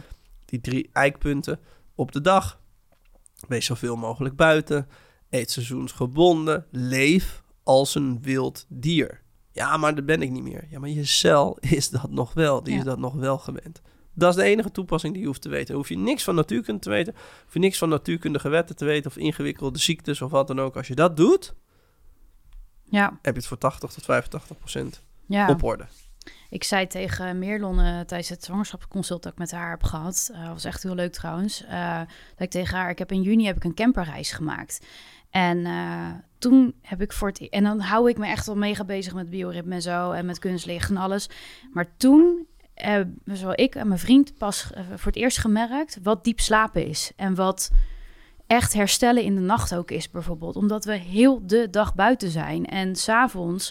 Ja, ik zit eigenlijk naast ons ondergang niet op mijn telefoon. Maar ik nam bijvoorbeeld in de camper dan ook mijn rood lichtpaneel mee. Het is echt bijna geen kunstlicht. Ook geen straatverlichting natuurlijk. Eh, Dat was echt... Ja, dan weet je weer wat het is om onderdeel van die natuur te zijn. Weet je, dus het kan ook als moderne mens. zeker. En eh, zeker, dat, absoluut. dat, eigenlijk heb ik daarna nooit meer, terwijl ik geen slaapproblemen heb, maar soms denk ik nog wel eens aan terug van, oh, ik mis echt die camper eigenlijk door dat, weet Ja. je? Ja, en grounded natuurlijk, heel de dag met je voetjes op, de, op het gras. Ja. Dus eh, ja, dat is echt, dat kan ik iedereen aanraden om, eh, ja, om te ja, doen. ja, Ja. mooi. Jullie trouwens, eh, in jullie behandeltrajecten zeggen jullie toch ook wel eens tegen mensen van, ja, luister, eigenlijk moet je gewoon twee weken op vakantie, eigenlijk moet je gewoon twee weken zon zien. Ja, Ja, zeker. Ja, ja zeker. Zeker als mensen uh, niet Noord- Noord-Europese afkomst Ja. hebben. Heeft niet alleen te maken met dat je de vitamine D van de persoon wil ho- verhogen, omdat het immuunsysteem dan beter gaat werken. Maar ook energieproductie in de cel is afhankelijk van zonlicht. Ja, we weten bijvoorbeeld dat als we de energiefabriek, dat heet mitochondrium, als we dat belichten met bepaald soort type licht, dat het energie produceert zonder de tussenkomst van voedsel. Dus infrarood licht, daar ga je weer, hoor je niet, zie je niet, ruik je niet, proef je niet. Zorgt ervoor dat de energieproductie in een mitochondrium in de energiefabriek op gang komt. ja, Wat is het probleem bij 85 tot 90 procent van alle moderne westerse gezondheidsklachten? Een energietekort. ja, Dus naar een plek gaan waar veel energie is. Waar dus de zon is. We weten toch allemaal dat in de winter meeste dieren niet paren. Er weinig bomen, planten groeien. En dat het in de zomer wel is. Wat is daar de cruciale factor in? ja. De zon. Ja. In ons ook. Mhm. Heel veel, heel veel mensen zijn zich niet bewust, en dat snap ik, dat er ook dierlijke fotosynthese bestaat. We weten allemaal dat een plantje groeit. Heb je ooit een keer bij biologie Mhm. gehad? 39 stapjes zijn er voor nodig om een plantje te laten groeien. Dus fotosynthese gebeurt als het ware in 39 stapjes. Dierlijke fotosynthese heeft ook 39 stapjes. De eerste 37 stapjes van een plant als een dierlijke foto- fotosynthese zijn exact gelijk aan elkaar. Dus je bent op sommige cellulaire onderdelen nog steeds een plant. Ja. Wat heeft die plant nodig om te groeien? Ik zeg altijd wel, eens, ik geef ook wel eens eh, dit soort lessen aan, aan kindjes tussen de 5 en 12, soms 14. Hoe gaat het met plant hier in het schoollokaal als we daar een zwarte kap over doen? Zegt elk kind, nou, ja nee, na drie, vier dagen dan eh, gaat het echt niet meer goed met hem. En dan, eh, hij is dan nog niet dood, maar dit, dit en dit en dit. Hij hangt er zielig bij, hoor je dan heel vaak. Dat is bij ons ook. Als je een chronisch tekort hebt aan zonlicht, bij ons gebeurt het inderdaad niet in drie, vier dagen. Het heeft wat langer de tijd nodig. Ja. Dan is dat niet goed, omdat je energieproductie daalt. Want nogmaals, je bent een antenne die energie uit de omgeving onttrekt. En dat is vertaald naar je interne milieu. Ja. Dus zoiets simpels als op vakantie gaan richting de Evenaar... Lost het al je problemen op? Nee. Het kan voorwaarden scheppen om de energieproductie te verhogen. En dan met een gerichte lichttherapie, temperatuurstherapie, eh, een therapie die alleen gefocust is op het bioritme, een heleboel variabelen, kan het ervoor zorgen dat het oorzaak van je problemen oplost. Dus niet de vakantie op Mm. zichzelf, maar het is een startschot om ervoor te zorgen dat Ja. je die voorwaarden schept. Dus ja, Ja. eh, soms zeggen we wel eens tegen mensen van eh, Indonesische afkomst van ja, je hebt duidelijk in je bloedwaarde te zien een chronisch energietekort. Ja, ja. Daar gaan we aan werken. Maar je kunt niet beter worden in dezelfde omgeving als waarin je ziek geworden bent. Dus ga eerst even naar een andere omgeving. En daarna gaan we je huidige omgeving hier aanpassen. ja. Andere type licht. Blauw lichtfilterbril. Ja. Andere momenten van de dag naar buiten. Ja. Andere voeding kan een rol zijn. Enzovoort, enzovoort. Kan je daar wat concrete voorbeelden op noemen? Waar, waar doe je nu op? Eh, nou, bijvoorbeeld, eh, ehm, jullie geven mensen ook wel eens een rood lichtpaneel mee. Inderdaad, die brillen. Kan je daar iets... eh, nou, dan leg dat uit hoe jullie eh, mensen daarmee helpen. Ja, dus wat je eigenlijk wil als je dat bioritme wil verbeteren, want dat is vaak de basis van een behandeltraject. Ja. Eh, de rest is specifiek afhankelijk van de klacht. Dan wil je eigenlijk twee dingen doen. Je wil meer van de juiste input en minder van de kunstmatige input. Juist, ja. Kunstlicht is een bepaald type golflengte en die type golflengte die is nadelig om meerdere redenen. Eén, omdat het een korte golflengte is. Twee, omdat het een geïsoleerde golflengte is. En drie is eigenlijk de combinatie van de eerste twee. Het zorgt ervoor dat als het in het oog komt, schade aan het oog met zich meebrengt. Hm. Hoe, hoe komt dat? Een korte golflengte zorgt eigenlijk voor dat moleculen uit elkaar trillen. Hm. Heel simpel. Magnetron is een korte golflengte. Gooi een biefstuk in Ja. de magnetron. Ja. Doe dat een minuut. Hoe komt die biefstuk eruit? Droog. Als een schoensel, zeggen Ja. mensen wel eens. Ja. Dat gebeurt ook met het weefsel van je oog. Het droogt letterlijk uit. En dat zorgt ervoor dat een aantal moleculen die daar eerst op een bepaalde manier waren, niet meer aanwezig zijn. Ze worden letterlijk kapot gemaakt. ja. Niet alleen van je ogen, toch ook van je huid? Ook van je huid, Ja. maar, maar het, het heeft meer impact op het oog dan op, op de huid. Ja, Als het gaat om blauw licht.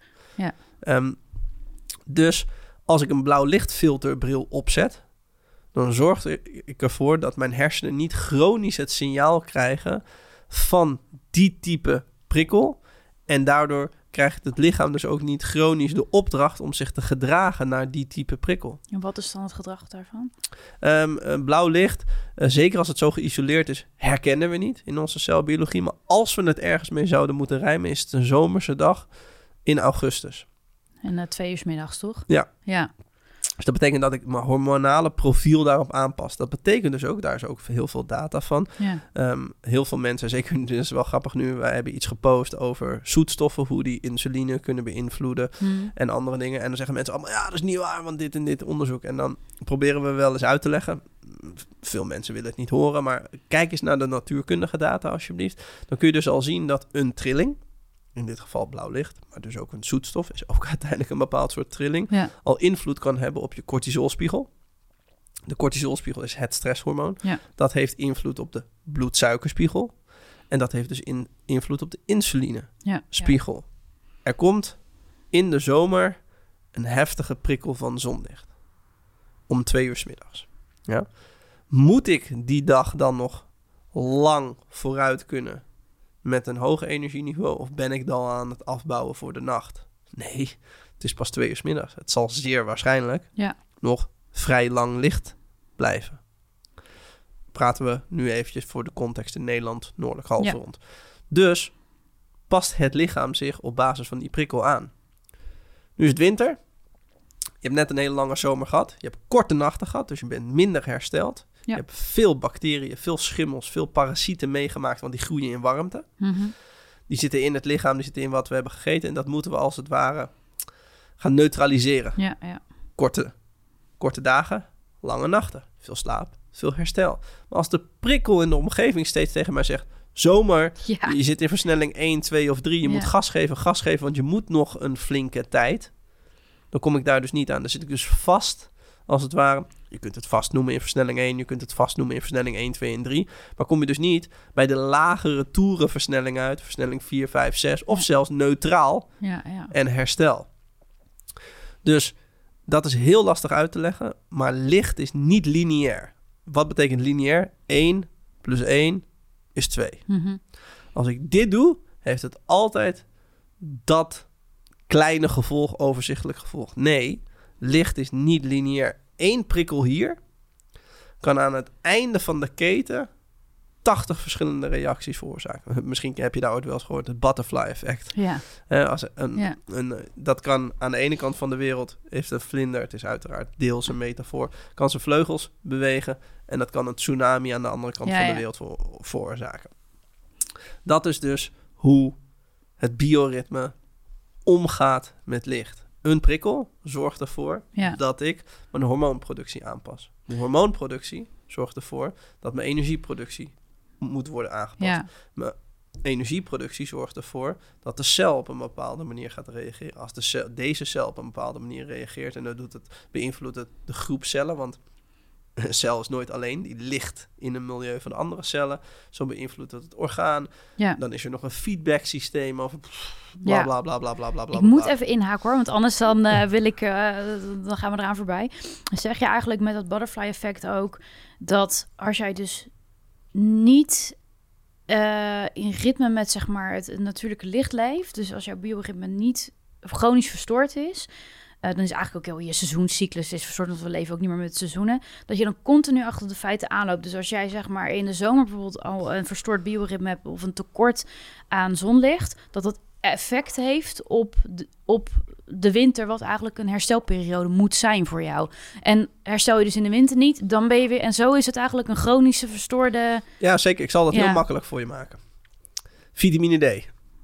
Als ik dat niet genoeg opdoe in de zomer, het halveert sowieso richting de winter. Ja, En als ik dan een te laag vitamine D heb, waar resulteert dat volgens jou in? Heb je daar ooit iets over gehoord, gelezen? ja laag. eh, ja, laag energie volgens mij. Lage energie, Ja, lage weerstand. ja. Maar het speelt ook een rol in je gemoedstoestand als Ja. het gaat om dus humeur, Oh ja. concentratie enzovoort. Je vernachelt je bioritme in de zomer. Daardoor heb je dus een lage vitamine D. Hoe vernachel je je bioritme in de zomer? Gewoon even heel, want dan is het voor mensen herkenbaar. Niet buiten zijn. Ja, gewoon eigenlijk altijd binnen zitten. Ja, of chronisch Ja. zonnebril dragen. Ja, oh ja, gaan we zo meteen ook nog over hebben. Ja, Ja, want dat zorgt er dus ook voor. Dan ben je dus die plant met een zwarte kap eroverheen. Precies. De ja. huid denkt heel fel zonlicht. Ja. En de ogen denken helemaal geen fel zonlicht. Ja, wat is het nou? Ja. Dus als ik niet of nauwelijks buiten ben, ik leef een modern westers binnen bestaan, Ja. dan zorgt dat dus voor problemen in mijn winter. En in de zomer zeggen jullie dat het toch wel echt van belang is om... Kijk, eerst beginnen gewoon überhaupt met meer buiten gaan. Maar in utopie, of in de natuur eigenlijk... is het toch wel van belang om in de zomer minimaal vijf uur buiten te zijn, toch per dag? De, je leeft op het noordelijk halfrond, waar de zon altijd zwak is. Altijd. Wil niet zeggen dat het niet warm kan zijn. Wil niet zeggen dat je niet kan verbranden, maar de zon is zwak, omdat je niet dicht bij de evenaar zit. Ja. Je hebt de energie die je in de zomer kan opdoen, die je ook letterlijk kunt opslaan, Mhm. nodig om de winter gezond te overleven. Juist. Je kunt niet te veel buiten zijn in Nederland, zeggen mensen. Ja, maar verbranden. Ja, dat noemen we schaduw. Ik zeg niet dat je moet verbranden, maar in de schaduw ben je er ook buiten. Ja. Dan krijg je toch ook natuurlijk licht. Ja. Dus eh, is het minimaal vijf uur? Je kunt er niet op die manier een tijd aan verbinden. Je moet gewoon altijd buiten zijn. Ja, gewoon zoveel mogelijk in de. Ja, kijk, want er is best wel een beetje ehm, een. Wat ik mensen wel eens heb horen zeggen is, en ook huidspecialisten, en dat soort mensen, van ja, met een kwartiertje per dag in de zomer ben je er al. En dat kan waar zijn als het gaat om de productie van vitamine ja, D. dan worden er ook twee dingen door elkaar gehaald. Zij, zij, ze weten dan niks over het bioritme eigenlijk en hebben het puur over vitamine D gehalte. Eh, maar die dingen worden toch onlosmakelijk met elkaar dan verbonden. Ehm, dus ja, inderdaad, je neemt dan in principe genoeg vitamine D op, maar de rest van de dag ga je dan maar buiten zitten of er binnen zitten. Als je dat kwartiertje dus hebt gepakt voor je vitamine D, nee, in de zomer, eh, je moet altijd heel veel buiten zijn, maar zorg dat je in de zomer echt genoeg oplaat om die winter door te kunnen. Exact. En dat is wat er eigenlijk nooit gezegd wordt. Ook niet door ja, gewoon ge- andere gezondheidsspecialisten. Nee, zeg en, en maar. daar zit nog een stukje meer context aan. Wie zegt mij dat als je dat kwartier buiten bent, dat je vitamine D ook daadwerkelijk Ja. produceert? Vitamine D-productie is van heel veel stappen afhankelijk. Een van de belangrijkste factoren voor vitamine D-productie is hoe jouw watertransport in de cel is. Helemaal platgeslagen. Ben je die uitgedroogde biefstuk in die magnetron, kan je geen vitamine D maken. Water is nodig. Ja. Als ik chronisch in blauw licht zit, wat doet blauw licht? Net als die magnetron. Uitdrogen. Uitdrogen. Ja. Wat doet wifi? Ja, Uitdrogen. Wat doet telefoon? Uitdrogen. Uh, oh ja, is het zo wat een larikoek? Is geen larikoek, want het is basis natuurkunde. Wat zijn al die stralingen die ik net ja, opnoem? Ja, Korte golflengtes. Wat doen korte golflengtes net als je magnetron uitdroging veroorzaken? Wat is de kortste golflengte van de zon? UV-licht. Wat doet dat? Uitdrogen. Kan het in bepaalde contexten doen Mhm. als ik het isoleer. Wat gebeurt er als ik te veel UV-licht krijg en mijn waternetwerk is als het ware niet goed? Dan verbrand ik. Dus de relatie tussen vitamine D-productie en de zon is niet alleen hoeveel tijd spendeer ik in die zon, maar ook hoe is mijn algemene gezondheid. Juist, ja. Wat zijn ontstekingen in het menselijk lichaam? Dat noemen we ook wel chaos, ontstekingen, Mm. problemen. Vaak ook een probleem van uitdroging. Ja. Als mijn omega-3 tot 6 ratio niet goed genoeg is, kan ik perfect dat kwartiertje in de zon zijn. Ja. Maar dan kan ik die, want dan ben ik al chronisch meer ontstoken, want omega-6 is ontstekingsbevorderend. Ja. Omega-3 is, als het van natuurlijke kom af is, ontstekingsremmend. ja, ga ik zo meteen in de podcast met Merlon helemaal, eh helemaal Zeker, ja, ja, ja, ja, ze, ze heeft er zelf eh, haar, eh, haar eh, master eh, eh, scriptie over gedaan. Oh, en heeft gepubliceerd over, over dit specifieke onderwerp. Mooi, dus ja. je kunt er genoeg over vragen. ze heeft erover gesproken in congressen in Amerika, in al- allerlei landen. Dus je kunt er genoeg met haar over hebben. ja. Ehm, dus dat is wat we vandaag de dag ook vergeten. Doordat we niet meer in, dat, in die natuurlijke leefomgeving leven, ja. is context opeens heel belangrijk Ja, geworden. precies. Dat is ook wat we in elke podcast proberen. Het is context afhankelijk. Voor die leeuw en, die, en dat nijlpaard niet meer. We leven allemaal in dezelfde context. ja. Wij niet meer. Nee. Nogmaals, jij kan een tweelingzus hebben, die is vegan. Jij niet. Jouw tweelingzus drinkt geen alcohol, jij wel. Jij hebt nachtdienst, zij niet. enzovoort, enzovoort, enzovoort, enzovoort. Ja. Daarom is het dus vandaag de dag, en dat is ook wat vrij vervelend is aan natuurkunde of aan een behandeltraject, kun je dus wel globale tips geven. Maar je kunt geen globale oplossingen meer aanbieden, omdat de context van iedereen vandaag de dag ja. anders is geworden. En dat is ook heel bepalend voor probleemoplossingen. Dus als ik naar een diëtist ga en een diëtist geeft over het algemeen dezelfde voedingsadvies en dezelfde suppletie, dan schiet je dus met hagel. Ja, Voor vier mensen in de praktijk werkt het fantastisch. En voor zes mensen in de praktijk werkt het niet. en is dat de reden waarom jullie eh, het bloedonderzoeken doen? Ehm, daar zitten meerdere redenen achter. Wij doen ook niet bloedonderzoek zoals een gemiddelde behandelaar in onze ervaringen en met alle collega's waar we mee spreken bloedonderzoek doen. Wij willen bloedonderzoek doen, vooral intracellulair eh, Mhm. bloedonderzoek. Dus even kijken in de cel wat er gebeurt. Of op enzymniveau omdat er relaties liggen tussen bepaalde zaken waar veel mensen niet zo goed naar kijken. We zijn een systeem met daarin allemaal systemen. Ja, En al die systemen beïnvloeden elkaar. Wij zeggen altijd, wij proberen dat altijd op die manier uit te leggen. Wij willen niet weten hoe het met de remvloeistof, de koelvloeistof en de benzine is. Dat noemen we dan even vitamine en mineralen. We willen vooral weten hoe het met de tandwielen. Hoe het Ja. met de tandwielen van de motor of de auto of de aandrijfas of de versnellingsbak, hoe je dat noemen wil. En dan kun je dus ook veel beter relaties leggen tussen ehm, waarom bepaalde onderdelen van de motor niet functioneren. Ja. En via kwantumbiologie leer je welke prikkel er nodig is om dat onderdeel van de motor weer te doen herstellen. juist, ja. En dat is niet eiwitten, dat is niet vetten, dat is niet koolhydraten. Dat begint altijd bij een natuurlijke trilling. Ja. In de vorm van licht of temperatuur. Ja, ja. ja mooi. En we, 100 jaar geleden ongeveer eh, begonnen we over de, de kunstlicht, of eh, de, de roodlichtpanelen en de blauwfilterbrillen en dergelijke. Ja, Eh, om even terug te pakken op dat stukje van wat kunnen mensen toepassen in hun leven om ehm, bijvoorbeeld in de winter, weet je, dan is het om, om vijf uur is het donker. Ja. Kijk, in de natuur zou je eigenlijk gewoon om zes uur gaan slapen. Bijvoorbeeld het boek van Miriam Lemswood is echt fantastisch hierover, hoe zij dat schetst. Maar goed, ehm, dat doen we nou eenmaal niet als moderne mensen. Nee. Soms moeten we werken tot zes uur Tuurlijk, of zelfs. hoort er allemaal bij. Maar wat kan je dan doen? Blauwlichtfilterbril is een hele belangrijke tool, omdat je dus de nadelige prikkels buiten houdt. Ja. Dat is een hele belangrijke. Ehm, je, je kunt de lichten in je huis vervangen, bijvoorbeeld weer naar gloeilampen. Ja. Gloeilampen bevatten maar 1% blauw licht en bevatten meer geel, oranje, rood of infrarood licht. Beetje afhankelijk van Ja. eh, welk type. Maakt het nog uit? Ja, waarschijnlijk niet. Maar omdat ik daar zelf... eh, ehm, ik heb er toch last van als, ik, ze- als ze te fel staan. Ik, heb, eh, ik merk dat ik meer gewend ben aan het rode licht nu. En dat ik toch vind dat dan ga ik in mijn bed liggen... en dan voel ik gewoon dat ik toch... ehm, ja, of misschien is het gewoon een gevoel hoor. Maar zit daar nog een verschil in of je hem wel of niet fel aanzet bijvoorbeeld? Of Nee, dat nee, niet? Nee, Nee, niet nee. echt. Nee, niet echt.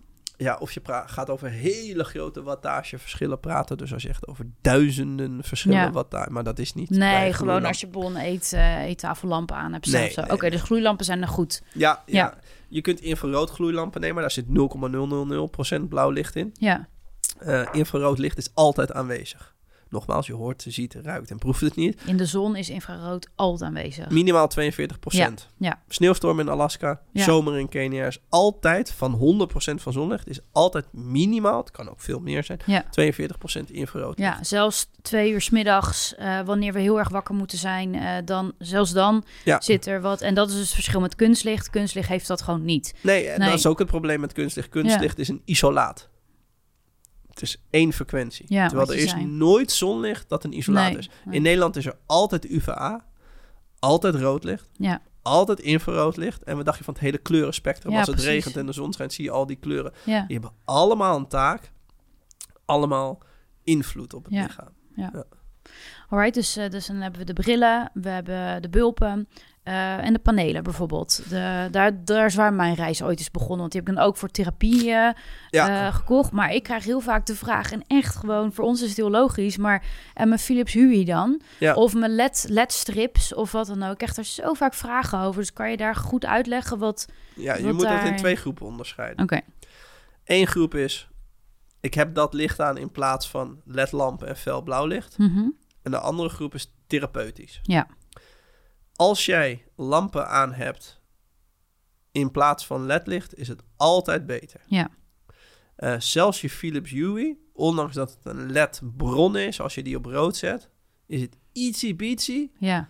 beter dan wanneer je hem op Net- blauw of Net zoals dat je een, eh, rood, eh, rode filter op je laptop hebt bijvoorbeeld. Exact. Ja. ja. Juist.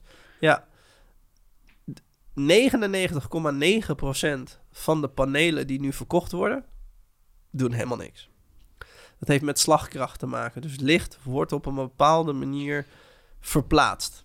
En dat gaat met een bepaald soort snelheid. eh, of een bepaald soort sterkte. Kunnen we het ook, kunnen we het, is misschien iets makkelijker om het uit te drukken. En dat drukken wij dan uit in wattages. Ja. De meeste panelen hebben niet de slagkracht om daadwerkelijk de huid te penetreren en in de cellen terecht te komen. Wat zonlicht doet. Wat zonlicht dus Ja, wel doet. Ja. ja.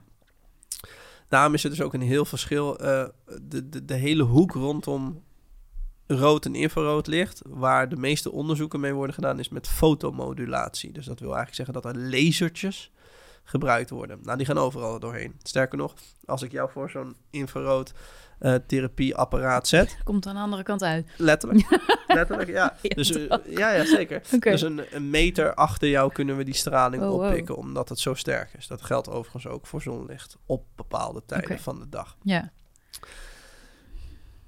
Die apparaten, om die te kopen, dat kost ontzettend veel geld. Ehm, een infrarood paneeltje tussen de 200 en 3000 euro gaat dat niet voor je doen. Nee. Terwijl ze het wel pretenderen te Ja. doen. Zeker. Oh jeetje, oké. Dan ben ik ook gescamd dus. Ja, ja zeker. zeker.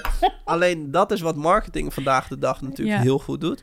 Het is niet per se onwaar, Nee, maar het is een halve waarheid. ja. En die leidt altijd tot een volle leugen. Dat Ja. is de lijfspreuk van Jack Cruz, mijn docent. Halve waarheden leiden altijd tot volle leugens. En volle leugens leiden altijd tot problemen. Ja. Dus de intentie van zo'n infraroodpaneelpersoon zal echt niet slecht zijn hoor. En de wetenschap over 680 nanometer, 810 en 850 nanometer, wat de type frequenties die in het paneel zitten, hebben die die invloed op gezondheid? Dan leest iemand een paper en zegt hij, ja, klopt, Ja. dat is waar. Maar met hoeveel wattage? Ja, ja, ja. Dat, is echt, dat, is- dat, dat zijn de devils in de Ja. details. Dat is, maakt zo'n enorm verschil. Ja, En dat is ook met heel veel blauw lichtfilterbrillen. Ja. Ze doen niet wat ze zeggen dat ze doen. Hoe kun je precies. daarachter komen? Alleen door een spectroscopietest. Maar dan moet je zo'n spectrometer hebben, zo'n apparaat ja. hebben. En eh, dan ga je al gauw weer richting het natuurkundige. En dan denken mensen, ja, pff, Mm. het zal wel. Laat me zitten. Het zal wel goed zijn. Net zoals met supplementen. Het feit dat een bepaald soort stofje iets doet, wil niet zeggen dat het supplement wat jij neemt ook nog dat stofje is. Ja, Het precies. moet gewonnen Ja. worden uit de grond. Ja. Daar vinden allerlei processen bij plaats. Het moet verpakt worden. Het moet verplaatst worden. Ondertussen vinden er allerlei moleculaire veranderingen plaats. Net zoals olijfolie gooit in de pan. Ja, dan... eh, Na 10 minuten verhitten. Is het nog dezelfde olijfolie als dat voordat je het ging verhitten? Nee. Nee. Dat is dus ook met supplementen zo. Ja, En dat is dus ook... Dus ik zeg niet dat supplementenmakers liegen. Dat zeg ik helemaal niet. Alleen de, de context waarin het onderzoek wordt gedaan... of waarin het pilletje gewonnen wordt of vervoerd wordt... is heel belangrijk. En daar wordt geen aandacht aan besteed. Zeggen heel veel mensen altijd tegen me. Daar heb ik ook heel vaak gesprekken over met doktoren.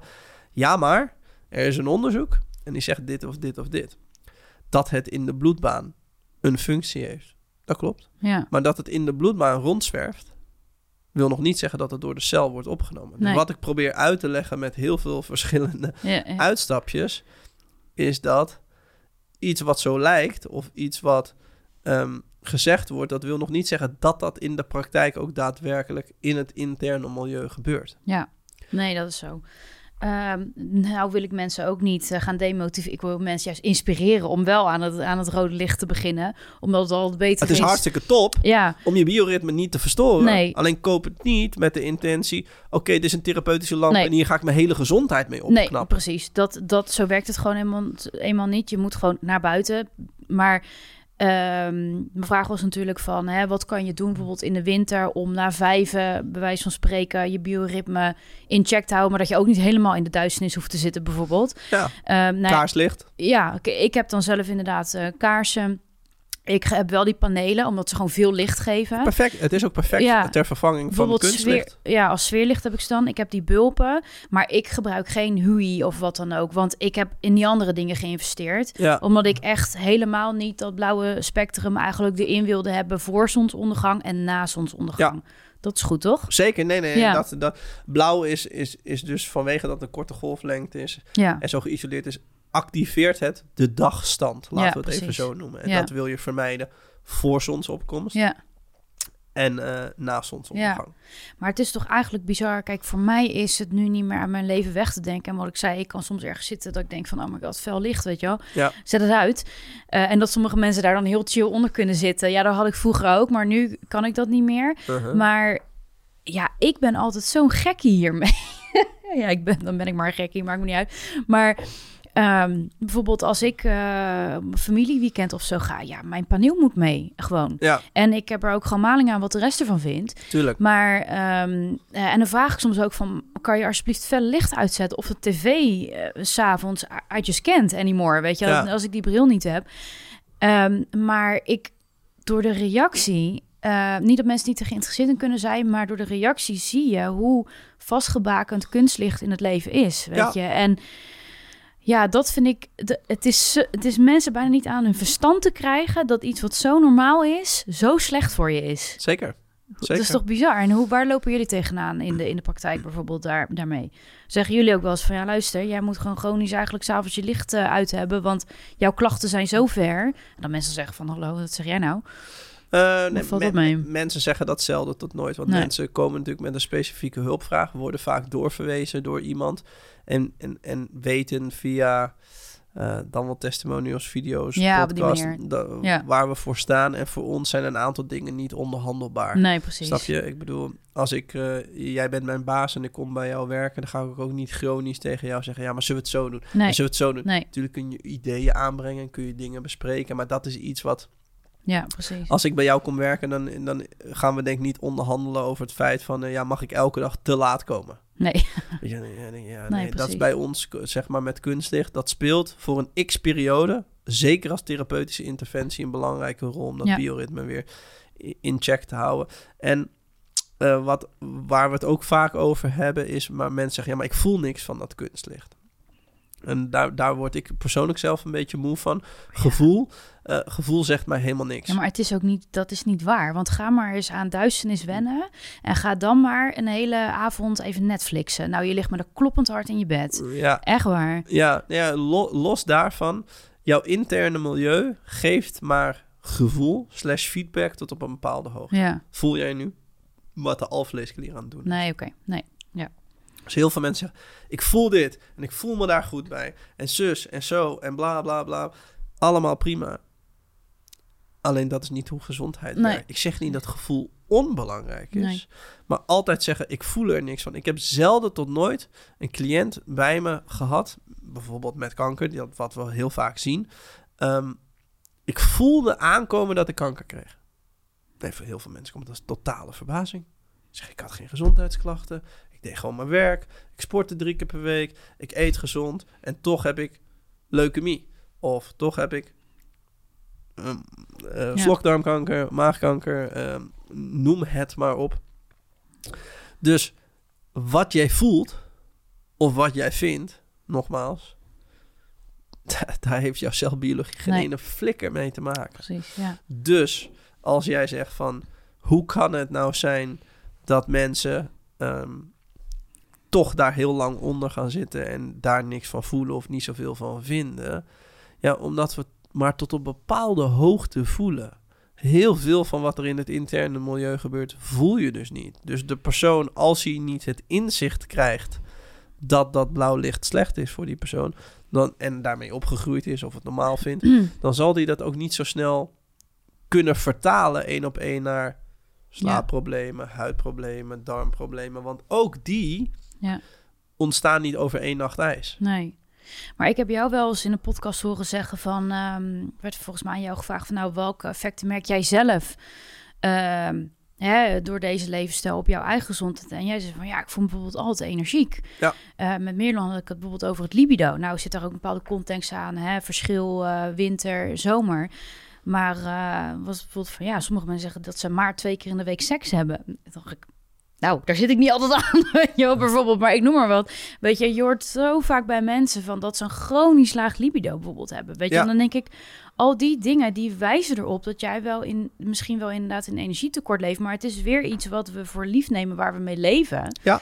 Uh, maar ik, ik wil echt iedereen uitnodigen, kijk in de spiegel en kan je echt tegen jezelf zeggen dat jij je elke dag fit voelt. En dan zijn er mensen, ja, maar je hebt het allemaal was wel een slechte dag, natuurlijk. Ja, maar ja, puur, puur energie-wise, weet je. Um, en het hangt natuurlijk van heel veel factoren af, maar het, heel veel mensen die leven, die, die, ik denk dat heel veel mensen zich echt chronisch gewoon een beetje uh, voelen elke dag. Ja. Toch? En dat, dat... dat is mijn ervaring ja. wel. Uh, of dat nou uh, um, de cliënten in de praktijk zijn of uh, mensen op de, op de, op de tennisclub ja. of waar dan ook. Dat is mijn persoonlijke er ja. ervaring wel.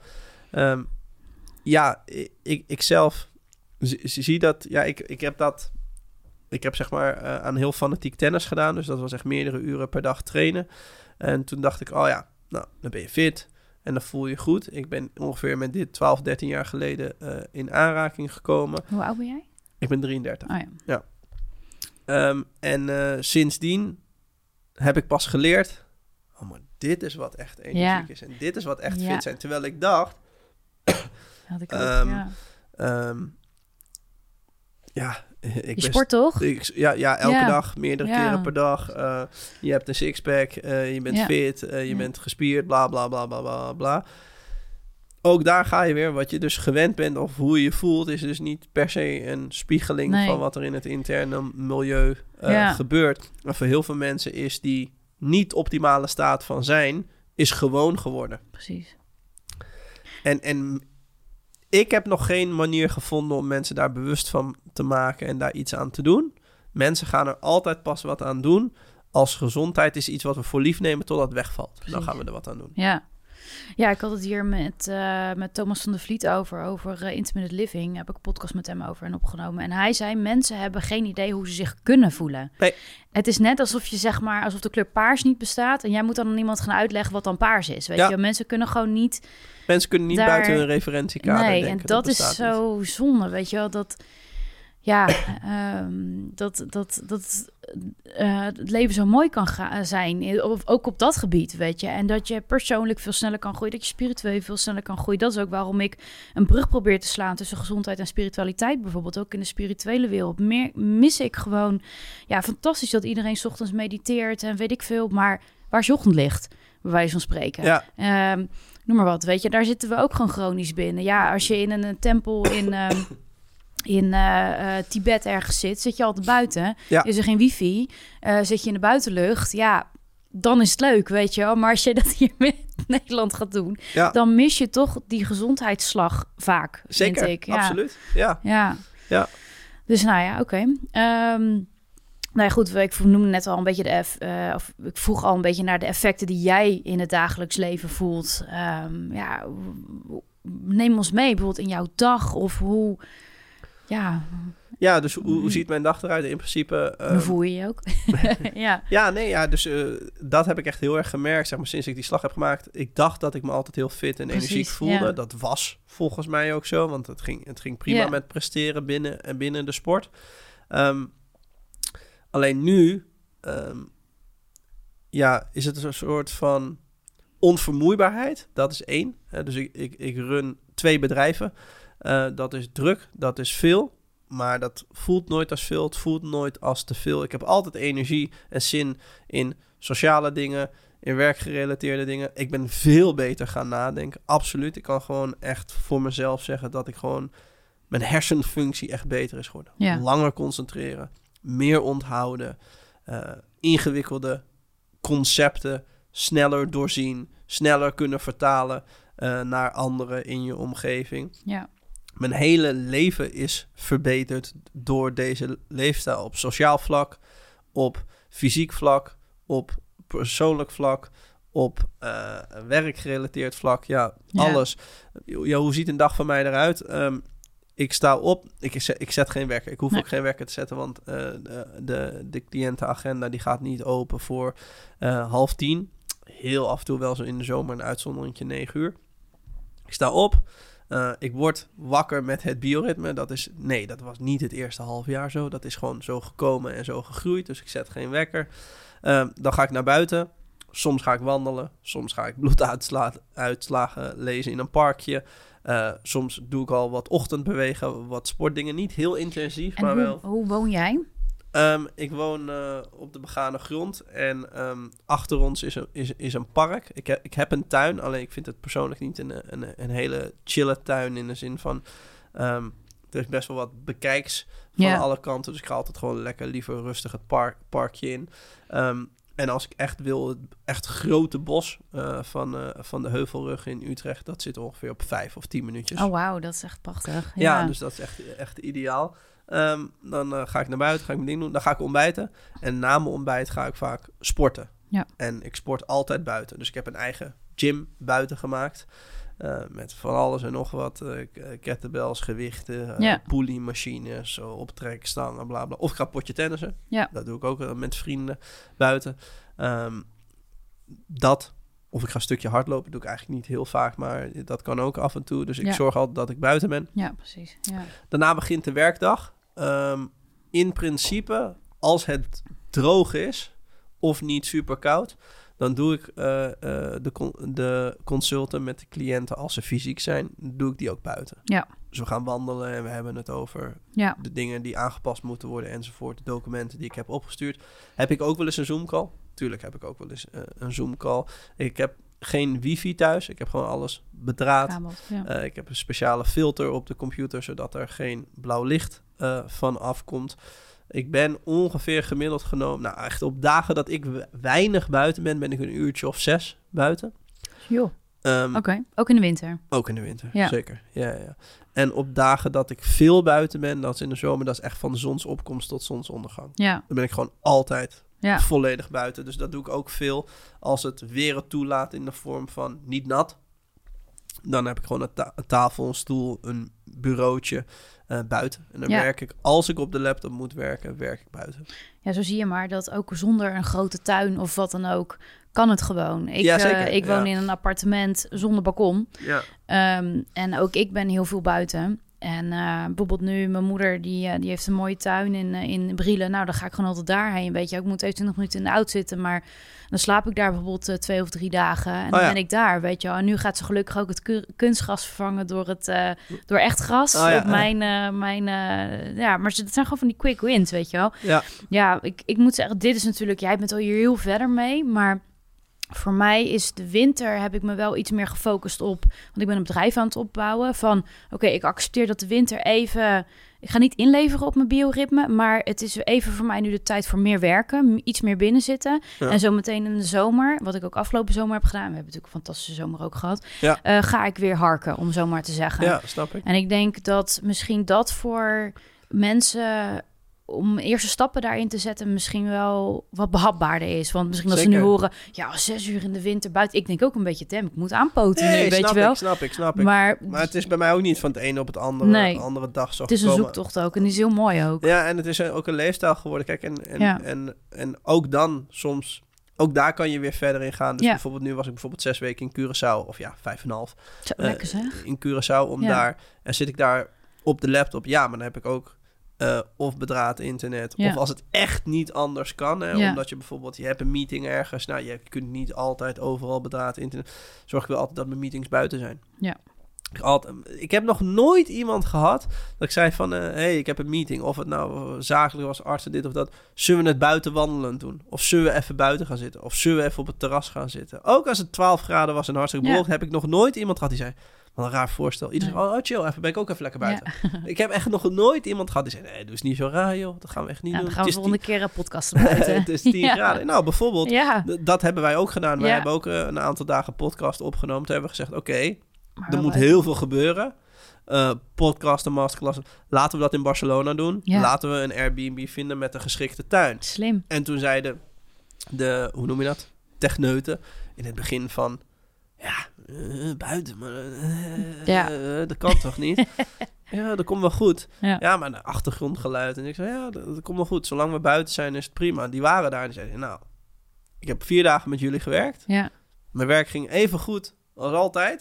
is eigenlijk helemaal niks geks aan. Het zat meer in mijn hoofd dat het niet buiten kan. Dus wat Ja. ik er meer mee probeer te zeggen, het is iets waar je ingroeit. Maar als je het gaat delen met de mensen om je heen, heb ik persoonlijk nog nooit ervaren dat mensen zeiden van, nee, ik ga niet naar buiten. Nee, precies. wat raar dat ik met jou buiten moet. Nee, je zegt, oh top, chill, Ja. doen we. Ja, maar het is ook mooi om te zien eh, dat, dat bij jullie echt is practice what you preach, weet je wel. Dus eh, ja, nee, dat, eh, dat snap ik helemaal. Het zou ook gek zijn toch als iemand dat eigenlijk zou zeggen. Dus, Nee, ja, nee, precies. ja. Alright, ehm, ja, ik denk dat we echt heel veel eh, gecoverd hebben vandaag. Ik weet ook niet hoe lang we al aan het praten zijn. Maar, ik heb ook geen eh, idee. Zijn er nog, ehm, we hebben het natuurlijk net al een beetje over gehad, maar waar ik mee wil afsluiten is, wat zijn nou echt de belangrijkste tips die jij mensen wil meegeven hierover, die hiermee willen starten? Ja, die drie pijlers. Dus ochtend, middag, avondlicht. Ja. Blauw lichtfilterbril dragen. Ja. En als je op vakantie gaat, doe dat het liefst naar plekken waar veel zonlicht is. Ja, ja. Dat zijn de drie meest praktische dingen. Lekker op vakantie gaan, inderdaad. Ja, Als het kan, dan het liefst naar waar de zon schijnt. Hoe dichter je bij de evenaar op vakantie gaat, hoe meer het doet voor je gezondheid. ja. En maakt dan nog uit of je dan in de winter of in de zomer gaat? Nee. Nee. Nou, nee, in die zin van... Je hebt een achterstandje in de winter... wat je deels kan goedmaken met je vakantie... Ja. als je in de winter naar de zon gaat. Maar ook in de zomer is zonlicht van dichter bij de evenaar... van Ja. veel meer waarde dan het zonlicht in Nederland. Ja, Wij, wij leven op de 55ste breedtegraad. Met andere woorden, de zon is bij ons altijd zwak. Ja. In verhouding tot... Kijk ook maar naar het wilde leven. De plantsoorten en de diersoorten. Bij ons. Ja. Op het noordelijk halfrond niet of nauwelijks aanwezig. Nee, hoe dichter je naar de evenaar gaat, hoe uitgebreider dat wordt. Toch nog één ding wat, wat we vergeten zijn, wat ik toch wil bespreken. We zijn eigenlijk zonnebrillen. We hebben, die hebben natuurlijk net een beetje genoemd. En zonnebrand eh, vergeten. Ik weet wel dat ik podcast met jullie heb geluisterd. En dat op een gegeven moment eh, Ruud dezelfde vraag gesteld wordt. En dat hij echt even één seconde stil is. En dat hij zegt, een zonnebril? Nooit! En die duurt echt een minuut ongeveer. Ja. Nooit een zonnebril Ja, dragen. ja. Dus, maar ja, eh, iedereen doet het. Dus ehm, ja, omdat we aangeleerd hebben gekregen dat UV-licht slecht is. je moet je oog. Ik, het laatste iemand tegen mij die dan hier ook best wel in zat, die zei tegen mij: Ja, maar je moet je oog toch beschermen tegen zonlicht? Nee, daar is geen enkele reden toe. Nee. Ik zou er niet één, één kunnen bedenken. Nee. Ehm, Wat, wat doet een zonnebril? het zorgt eigenlijk voor een mini jetlag. Ja. Dus dat er komt wel fel licht op de huid. Ja. niet gefilterd licht, want de bril filtert een gedeelte. En dat gefilterde gedeelte komt in het oog. Dus het brein krijgt via het oog net wat sneller informatie dan het brein dat krijgt via de huid. Gaat Ja. net een fractie sneller. En het is dus eigenlijk heel flauw. Oké, het is groen, je mag rijden. Nee, het is rood. Het is groen, het is rood. Ja, ja, hè, wat, wat? Moet ik nou? Hè? Ja. Eh, zorg voor verwarring, zorg voor chaos. Ja. Ja. Verbrand je ook een stuk sneller door, toch? Absoluut. Ja, zeker. Zeker. Omdat de interne klok Ja. niet de aanpassing in de huid maakt. Oh, het is fel zonlicht, dus ik moet mezelf wat donkerder gaan maken, enzovoort, enzovoort. En alle processen die daaronder liggen. Ja. Dus er is geen enkele reden, wanneer dan ook, om een zonnebril te dragen. Als je, Nou, als er zijn mensen... twee redenen die er zouden kunnen zijn. Is als de zon echt ontzettend laag hangt en je zit in de auto. Ja, oké, dan zit je al achter glas. Exact. Ja, oké, Ja, tuurlijk. dus dat is ja. voor veiligheid. Dat, Ja. dat zou een reden kunnen zijn. En de tweede is als je echt op een hele felle dag in de sneeuw bent. Omdat sneeuw weer kaatst natuurlijk ja, ook. met Met de afdaling ook voor de veiligheid. Ja. Maar zit je in de lift bergop, meteen die bril Ik af. deed zelfs mijn normale bril deed ik af in de lift. Ja, ja, ja. snap Gewoon, ik. eh, ja, ja. ja, ja. Want dat is het ook, hè? Dus los van veiligheidsredenen is er geen reden. Nee, en ehm, wat ik ook vaak zie is dat mensen zeggen... ja, ik maak wel een ochtendwandeling, lekker in het ochtendlicht... maar dan dragen ze de hele tijd de bril. Ja. Een normale bril. Want ja, wa- wat, ik net ook zei, ik zie anders niks. Ja. Maar ja, het is gewoon een, een filter weer. Exact, Ja, exact. en zonnebrand? Eh, zonnebrand is iets wat we uitgevonden hebben omdat we heel slecht met de zon omgaan. Precies, ja. Maar zon op zichzelf is niet slecht voor je. Ik zeg niet dat je moet verbranden. Dat, dieren gaan ook in de schaduw. Ja. Ehm, alleen verbranden komt vaak omdat je de voorbereiding op sterke zon niet meemaakt. Hoe noemen we de voorbereiding op de zomer? Lente. Ja. Moet je die lente wel meemaken. Ja, precies. Moet je wel buiten zijn. Moet je wel de huid Ja, de tijd geven om zongevoeligheid op te bouwen. ja. Ja, ik heb echt uh, vorig jaar van vanaf maart was het al heel mooi weer. Ik zit nu naar buiten kijken, nu sneeuwt het. Echt ongelooflijk. um, en toen ben ik uh, eind augustus naar Ibiza geweest. En ook iedereen zegt, ja, je mag niet om, wat is het, van 1 tot 3 in de zon zitten of zo. Ja. Nou, oké, okay, ja, ik heb gewoon vol in de zon gezeten. En ik heb me geen, met geen druppel ingesmeerd. Nee. Omdat ik ook al die chemicaliën natuurlijk niet uh, binnen wil krijgen. En ik ben niet verbrand, omdat mijn huid al zo lang gewend was aan die zon. Ja. Uh, dat, vond, dat, dat had ik eigenlijk nog nooit eerder gehad. Ja. Ja. ja, leef je dus een heel modern westers leven en heb je nooit die, die opbouwendheid, die zongevoeligheid, Ja. opbouwende fase, heb je zeer waarschijnlijk een omega-6, 3 verstoring, omdat je dus veel Ja. sojaproducten, plantaardige olie, raapzaadolie, koolzaadolie, Ja. zonnebloemolie, lijnzaadolie ehm, eet. En je drinkt bij wijze van spreken de dag daarvoor alcohol, waardoor je lichaam dus uitdroogt. Hebben we net gezegd dat het heel belangrijk Ja. is om de huid te beschermen. En je maakt geen ochtendlicht mee en geen avondlicht. zijn beide voorbereiders op het sterke UV-licht. En Ja. je bent niet in de lente. En je zegt, nou, ik ga twee weken op vakantie naar, Spanje. Eh, ja, Ja. juist. En dan ga je tussen 11 en 4 op het strand liggen. Ja, Een verbrandje levend, ja, Ja, inderdaad. zo- en als je, dan, als je dat per se wil, dan zou ik zeggen smeer zonnebrand. Ja. Nou, daar heb je natuurlijk ook mooie natuurlijke opties. eh, ja, Ja, alright. Nou, dat is eigenlijk gelijk een mooi brugje naar de volgende podcast... die zo meteen met Meerlon gaan opnemen. De, dat soort onderwerpen gaan we daar ook verder eh, uitdiepen. Dan wil ik jou bedanken voor dit eh, super leerzame gesprek. En ehm, graag gedaan. eindelijk Ja, het heeft even geduurd, maar Ja. we zijn er. Ja. Alright. eh dankjewel voor het kijken of luisteren. Ehm, ik hoop dat je de volgende keer ook weer bij bent. En vond je deze podcast tof? Eh, deel hem dan op je socials. Laat een reactie achter. Volg me op Spotify. Nou, ja, ja, ja, je kent het. Dat helpt om eh, deze mooie content in deze super mooie studio te blijven maken. Alright, tot de volgende.